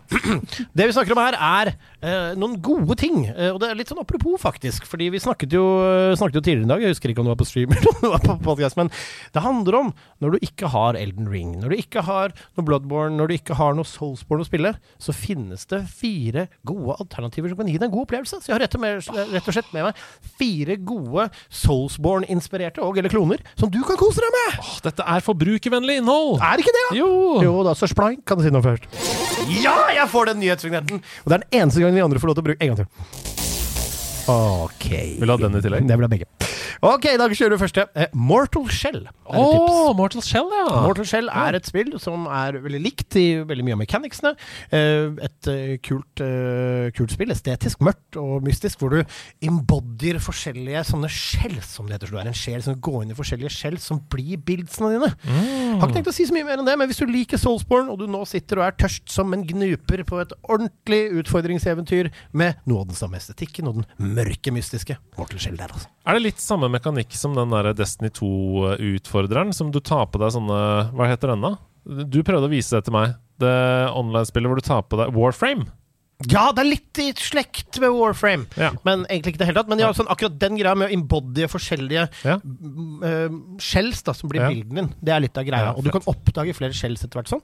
Kan Eh, jeg spørre kult om, kan jeg spørre om ting? Ja. Hva er en gnuper? En gnuper er noe jeg kom på nå. Ja, fint. Det andre tipset er eh, egentlig en Soulsborne-klone, det også. Men det er nummer to. Du kan også spille nummer én, men nummer to er spesielt bra. Jeg snakker om Nio. Å, 9 og 2, ja. ja, ja. NIOH2. Dette er et samuraispill hvor du skal kjempe mot demoner. Mm. Veldig mye er likt som vi kjenner fra Dark Souls og Demon Souls-spillene. Eh, hvor du er i forskjellige verdener og skal defeate forskjellige demoner. Ikke så mye er fortalt. Du har forskjellige bonfires-aktige ting. Du bygger karakteren din, skaffer deg weapons. Og det er super-hard.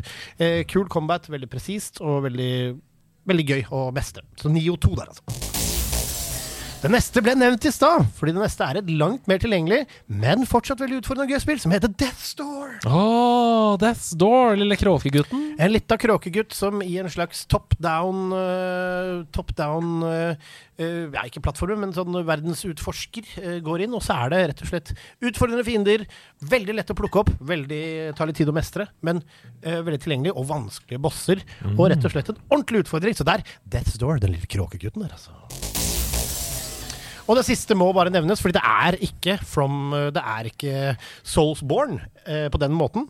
Men det er et spill som eh, er veldig annerledes fra de andre, men har mye likt. Det er selvfølgelig Sekiro. Ja, Sekiro, ja. Ja, der er rett og slett Det er From Software som har laget de, som også har laget Sekiro.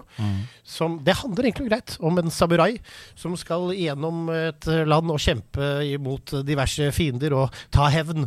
Og ja, i det hele tatt, det er et superpresist, ordentlig ordentlig kult spill. Det virker kjempevanskelig å mestre, men det er mye mer rytme og timingbasert. Eh, Du lærer deg å se tells, og du I det hele tatt. Det er et eh, fantastisk spill. Spør Stian Blipp om det. Fyren som hatet alle sånne ting, og som nå er en av Norges beste i Sekiro.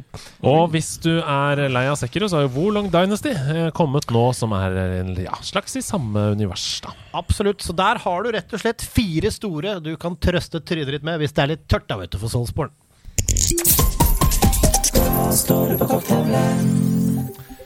Bak deg, Espen Borge, så henger det en enorm korktavle. Eh, Den har hengt der i tre år allerede, og den er full av Post-It-lapper med folk som sender inn. Og vi prøver å henge de opp på korktavla. Gidder du å rive ned et par-tre av dem, sånn at jeg kan ta noen av spørsmålene og bare sende dem over hit? Der tar han hånden opp og Åh, shit, du kan... Oi, det var tunge lapper, ja. Ja, det er veldig tunge lapper. Det er det. Theodor, Skylapper heter det. det er utrolig bra. Takk. Theodor han spør Kommer dere til TG i år. Ja! Vi skal ha liveshow på TG på skjær torsdag. Det skal vi. Mm, så hvis du har lyst til å se på denne Det var da Jesus ble skåret Nei, jeg husker ikke helt hvordan det funker, men ja. Han ble skåret opp. Jeg husker ikke. Nei, nei. Det Noe skjedde. Skjæretorsdag? Ja, skjæretorsdag. Det. ja, Death Door! Å, skjæretorsdag! Kråkeonsdag! Kråkeonsdag, det er seinere. Mossepølse! Mossekråka, Mossekråka. Ja, Askeronsdag. Ja, men så bra. Vi kommer ned, Vi skal ha liveshow. Og apropos det, eh, Mossekråka. Eh, Klokkismann han spør topp tre severdigheter i Moss. Å, helsike, hvor fader skal man begynne? altså, jeg vil anbefale alle som er interessert i å få seg en liten oversikt over Moss og hva den inneholder. Følg meg på Instagram. Espen understrek Borge. Der ligger jeg på highlights. Tour of Moss. Oh. Der kan du se alt. Men jeg vil anbefale Godbua. Godbua, ja. En ja, ja. 60 år gammel pølsekiosk oppe på høyda. Ikke så lange betaner fra ørehjulet, for å si det sånn. Bjørnen. Bjørnen frukt og tobakk, som ligger rett nede for Mølle stadion. Og Albykringla oppå Galliet 15 på Alby. Fy, altså, Det der er en oppskrift som er eh, Jeg lurer på om den blir 100 år gammel. Albykringla-oppskriften fra gamle Ellen Brandstrup. Hun eh, Rip in peace. ja, ja, rip in peace. Eh, Men eh, familien Brandstrup lever ennå, har gjort utrolig mye for Moss. Få med deg en albykringle, en pølse i vaffel på Godbua, og så en pølse i vaffel til på Bjørn frukt og tobakk. Altså, Ja. Severdigheten i oss er rett og slett mer Det er kiosker. klu- altså, det er mer etegilde. Det er enn- ja. Det er et Kiosk- etegilde. Ja, etegilde og kiosk. Ja, Det ligger mye bra puber og sånn, men det er ikke lov til Ja, så prøv å ha, hold øynene ned, så du ikke ser hvordan det ser ut der. Men får jeg kringle, Ja. pølse i vaffel og noe ja. Men det er jævlig fint om sommeren. Johanne spør hvor mange PlayStation-kontroller har Espen knust. Vi har både kollektiv. Jeg har hørt den spille Fifa. Johanne? Ja. Johanne Lindvig Ja, for farken, jeg Stemmer. Ja, sorry, Johanne. Ja, det har jo blitt noen. Det har jo blitt noen, ja. Det Du er ikke den eneste som ødelegger PlayStation-kontrollere her i Nei. rommet. Uh, Jeg har slutta for lenge siden. Ja, men jeg jeg har ødelegger, men altså, jeg slutta å. Ikke- ikke med vilje. Ja, Nei, rage, men jeg ødelegger de fordi PlayStation sine kontroller opprinnelig Ja. er dårlige. Det også skjer meg nå, da. Men eh, nå skjer det helt organisk. på en måte Men Ja. før i tida så kunne det gå en kule varmt. Altså. ja, ja, ja. Eh, Spesielt på Rocket League, Fordi når du er dårlig i Rocket League, så fins det ikke noe som er mer frustrerende enn det. Så jeg tipper rundt en eh, 100-125. 100, Ok, ja. 100 PlayStation-kontroller! Og ganger sånn. du det med 600 spenn, så kan du se at budsjettet har sprukket en del. ja, ja. Altså, jeg hadde jo et PlayStation budget- control-budsjett på en 30 000 kroner, tenker jeg, måneden. Nei, jeg tipper det er en 10 10-15, kanskje. da 10-15. Ja, det er fortsatt voksent. ja, ja. Ja, altså, jeg, kan svare, jeg kan svare på det også. Mm. Jeg tipper jeg har ødelagt sju. Ja, Ja. Med vilje. Ja, ja. I min tid som fra barnsben og opp. ja, for faen, jeg må tenke på det barnsbenet igjen nå, jeg. Jeg har lagt to. Mitt. Mener du det? Hva skjedde da? Nei, det, det ble wear and tear, Ja. det heter. Oh, ja, Ja, men det gjelder ikke wear and tear. Nei, Nei, da har jeg lagt null, ja. Ja, Sier du det? Du er så sindig, vet du. Nei, jeg er ikke det. Jeg bare spiller ikke rage-inducing games. Nei, ikke sant? Ja. Nei, og så river han heller i stykker puter og Det er kopper og kar. ja, ja. Slår mennesker og sånn. Uh, vi skal videre til Ravenbrekk, som sier Ranger franchisene Mario, Pokémon, Zelda. Og da tror jeg vi må ta deg, eh, Sebastian, for uh, dagens gjest hater jo alle tre og syns det er barnespill. Selda. Pokémon Mario, faktisk. Ja. Eller vet du hva? Nei, vet du hva? Selda, Mario, Pokémon. Pokémon er veldig bra, men de fornyer seg lite. Og jeg syns det er vanskelig, for jeg elsker jo alle tre. Uh, jeg elsker alle tre, um, og det kommer helt an på hva jeg trenger. Bare til rangerer du, det er oppgaven. Mario, Zelda, Pokémon. Én, to, tre. Deal. Jeg må jo ta bare det eneste jeg har spilt, da, på førsteplass, Mario. Ja. Uh, så er det jo hipp som happ med Zelda og Pokémon. For å si Zelda og eh, Pokémon, da. Fordi Pokémon frister meg ikke i det hele tatt, men Selda Zelda det ser litt fett ut. Spennende. Ja. Dette spørsmålet går til Seb. Hva er din topp tre FromSoft-spill? Hilsen Porsche-Yoshi. Det var fælt så mange ganger skulle svare på det spørsmålet, men det er Elden Ring da, på nummer én. Ja. Det er det definitivt beste. På andreplass så har vi Demon Souls, eh, Ja. fordi det kom, og det var eh, i sin tid. Ja, jeg spilte originalt, og den nye remaken er kjempebra. Ja. Og på tredjeplass så velger jeg å putte Dark Souls 3, for det koste dem også, men det er veldig tett løp med Bloodborne. Perfekt. Tusen takk for at dere rev ned såpass mange eh, lapper fra korktavla. Vi skal videre til Tokyos underverden.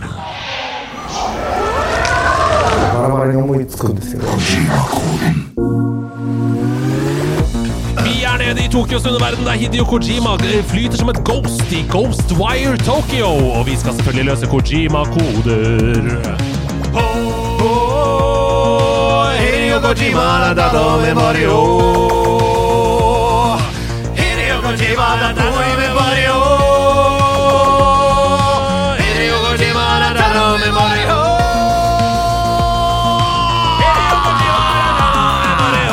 Ja da!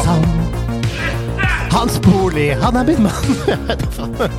Hideo Kojima har tatt over våre kropper, og det betyr at vi har lagd Kojima-koder. Kojima-koder. Det er en slags rebus, Espen. Ja vel. Um, og inni Kojima-koden Ja. så befinner det seg da et spill. Han vet jeg faktisk hvem er. Hideo Kojima, ja. Ja, ja, så bra, da. Uh, det, har, det er ikke et Hideo Kojima-spill som er i løsningen. Det er bare fordi han er en så finurlig fyr som lager koder og sånn. Eh, nå vil jeg at dere skal slå hodene sammen og jobbe sammen for å løse min Kojima-kode.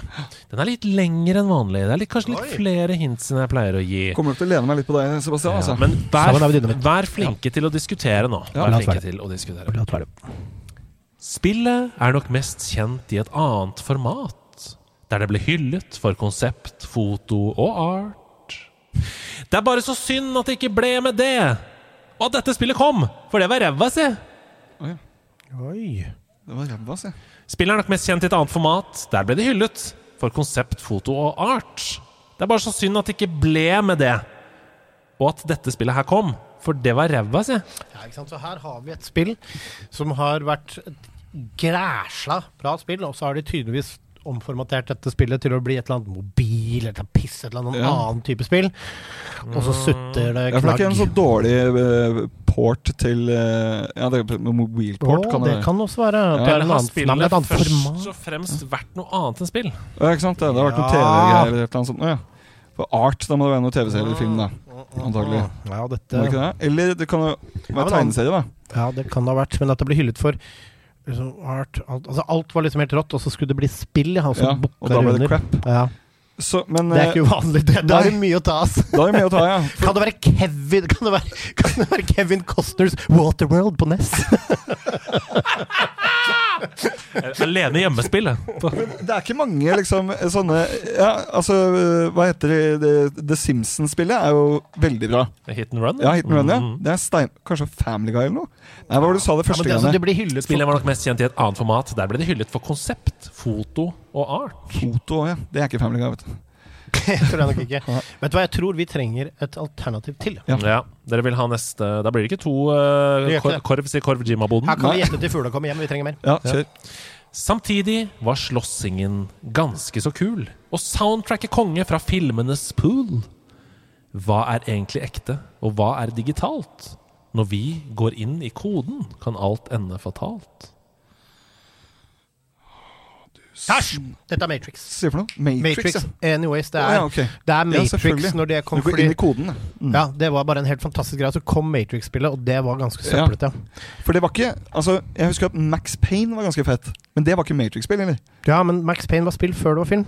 Ja, ok. Men, eh, for jeg trodde det var Matrix, for han hadde sånn bullet time og så veldig ut som Ja, nei, men det var, jeg tror dette er Matrix-spillet. Altså, når okay, du går inn i ja. koden, ikke sant, til Grid. Ja, ja, ja. Det var det, om det het Ja. Matrix Reloaded eller hva det nå het, men Matrix. Ja. Vi prøver det. Ja. Det Enig. er helt riktig! Yay! Yay! Yay! Yay! Dette er spillet Enter the Matrix. Det er det det heter. ja. Som kom til PlayStation 2, og som eh, hadde kule ting ved seg. Ja. Men det var Du ikke fikk, så lov til å, du fikk ikke lov til å spille som Neo, du fikk lov til å spille som Ghost! Og hun Ja. der eh, kona til Will Smith. Og løpe på veggen, da, vet du. 60 av 100 cirka på Metacritic. Hadde du sånn kul bullet time eller? Eh, Ja da. ja da. Ja, men kul var den ikke. Men. Musikken var veldig kul, da. Ok, bra jobba. Ett poeng i Korv Jima-boden. Vil Ja, du ha baconpølse? Bacon? Unnskyld, hva sa du? Så lenge jeg får ellers, er det samme for meg. Ja, så lenge det er vaffelruten? Ja. Å ja, ja, men vaffelruten kan vi gå tom. Nå skal vi være ellers òg. Ja, ja. Ok, jeg kommer min. Okay, Slå hodene sammen, unge herrer. Nå må vi jobbe. ja nå er vi i RB her. Ok. Fremtiden kaller med elektronisk musikk. Skyt ned han foran med et våpen du fikk. En skikkelig bauta og en serie med spill. Konkurransen er tøff, og farten er vill. Skyt ned han foran med et våpen du fikk. Det høres jo ut som, det høres ut som et type Mario Kart? Ja, et, et Mario Kart-aktig spill. Ja. Og da er det jo noen konkurrenter som dukker opp. Og det er jo Wipeout. Ja, har, Wipeout, har du jeg, ja. Og så har du F-Zero. Mm. Det er en annen, men der er det ren racing. Det er ikke Ja. skyting. på Det er skyting i Wipeout, er det ikke? Jo, Ja. med et våpen du fikk. Ja, våpen. Det, Futuristisk. Det kan være Tron. elektronisk musikk, det er jo ikke Mario Kart. Så Nei. Tron Tron, altså motorsykkelspill, hvor du også skyter på hverandre i, i denne griden som du kjøper.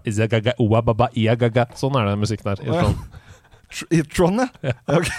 En til. Ja. Ja, Det det var feil. Veldig det stilig. er feil rytme. Jeg Ja, har nei, ikke feil rytme, han bare gikk rett i dubben. Jeg gikk rett i dubben, jeg. Men si meg nå uh, uh, Kan du ta det en gang til, Sebastian? Ja, Fremtiden kaller med elektronisk musikk. Skyten jeg hadde foran med et våpen du fikk. En skikkelig bauta og en serie med spill. Konkurransen er tøff, og farten er vill. Det må være Wipeout. Ja, det går det i 400-500 km i timen. Ja, Og hvor mange spill er det Er det mange Ja, er. Wipeout-spill? Wipeout 2042. Er det endelig svar? Ja. Da kan jeg lese del to. Med luftbrems og turbo er race i gang. Er du lett uoppmerksom, så sier det pang. Svevende skip som er raske som vinden. Hold tunga rett så det ikke wipes av pinnen! Det er wipeout! Yeah! oi, oi, oi, oi. Altså, koden er jo knallsterk! Den er Den er jo langt bedre enn Og dette spillet kommer for å være ræva, si! Nei da, men det er ingen koder er dårligere enn andre koder, vet du. Nei da. Utrolig bra jobba. Takk. Det ble to poeng på hver av oss. Det gjorde det. Fantastisk. Da får du stekt løk også på baconen. Ja, fy ja, ja, ja, ja, ja, ja, ja, ja, ja. Helsike, gutta. Jeg får ta den på kroa, da. Ja, men Du får velge mellom rekesalat og potetsalat. Du klarte bare én på den først. Tusen takk for et dypdykk inn i Moss, uh, hjertet av Moss og Østfold. Vet du hva, Det var bare hyggelig. Uh, vi er altså ferdige med dagens episode. Det gikk vi. unna, det. Ja da. Tida flyr i godt lag. Men to ja. timer i dag òg, da. Ja, men sånn skal det være. Skal det ikke være to timer? Er ikke det vi byr på? Jo, da. Hvor, hvor er det vi kan følge deg, Espen? Hva er det du driver med om dagen? Hva er det du har i loopen? Det må jo bli avisa, da. NRK.no. Her skjer jo stadig vekk et eller annet oppgulp. Eh, Ellers er det jo Instagram. Ja. Ja. Og så er- Jeg snakka med Aslak her om dagen. hva er altså, hva heter du på Instagram? Plugg. Espen understrek Borge. Der er du. Men jeg kan si det at eh, jeg snakka med Aslak her om dagen. Jeg, var, jeg pleide å være mye, mye med på twitchinga hans. Ja. Eh, men eh, nå, etter at jeg flytta inn på krinken der så har har, ikke, har jeg ikke vært der. Nei. Men vi har snakka om å gjøre noe greier sammen, så Ja. kanskje man kan eh, følge med litt der. Så kult! Det er Dansemat til kjendis sesong 1 og 2 var jo Espen programleder for. Ja. Så det kan jo hende at det skjer noe der i sesong 3, type. Eller kanskje det er noe helt annet. Ja. Det, det gjenstår å se. Men sjekk ut eh, YouTube-kanalen til Klokkismann. Der ligger det mye fine episoder fra Dansemann til kjendis sesong to. Veldig, veldig gøy. Tusen takk for at du hører på Nerdelandslaget. Tusen takk for at du er spiller på laget og spiller på Discord. Følger oss på Instagram, Facebook, Twitter, hvor enn du kommuniserer med oss hver eneste uke. Kjøpe merch gjør du på Ja nerdelandslaget.no. Der har vi vår egen butikk. Anmeldelse kommer der også i tekst, hvis du ikke visste det fra før. Det er en veldig veldig god måte å oppleve anmeldelsene på, våre på. Det er bilder, det er bildetekst, det er uh, MP3-fil av selve lydfilen hvis du vil lytte samtidig som du leser. Det er en veldig god Altså, det eh, er nettside. bimedialt så det rekker, Andreas! Ja, der kan du også se Dungeons and Dragons Den eh, pitcher. Du kan spille eh, bit for bit. Du kan ja. gjøre masse gøy inn på nederlandslaget.no. Ja, vi er på en måte Altså, vi, er, vi har tatt internett sin tilbake, vi, Andreas. Det er det vi har. Vi elsker å lage nederlandslaget. Det er det Det morsomste vi vet. Ja. samme hvor sliten er, samme hvor lei oss vi er, samme hvor glade vi er. Å sitte i dette rommet to timer hver uke er en drøm. Tusen takk for at dere lar oss få gjøre det. Ja, og vet du hva? Vi har, altså, vi skal ikke bruke det slagordet som vi hadde i starten. I dag skal vi si det som vi så ofte sier, som handler nemlig om det at proteiner som har egne sko, liker å spasere, og det er selvfølgelig Kjøttet går!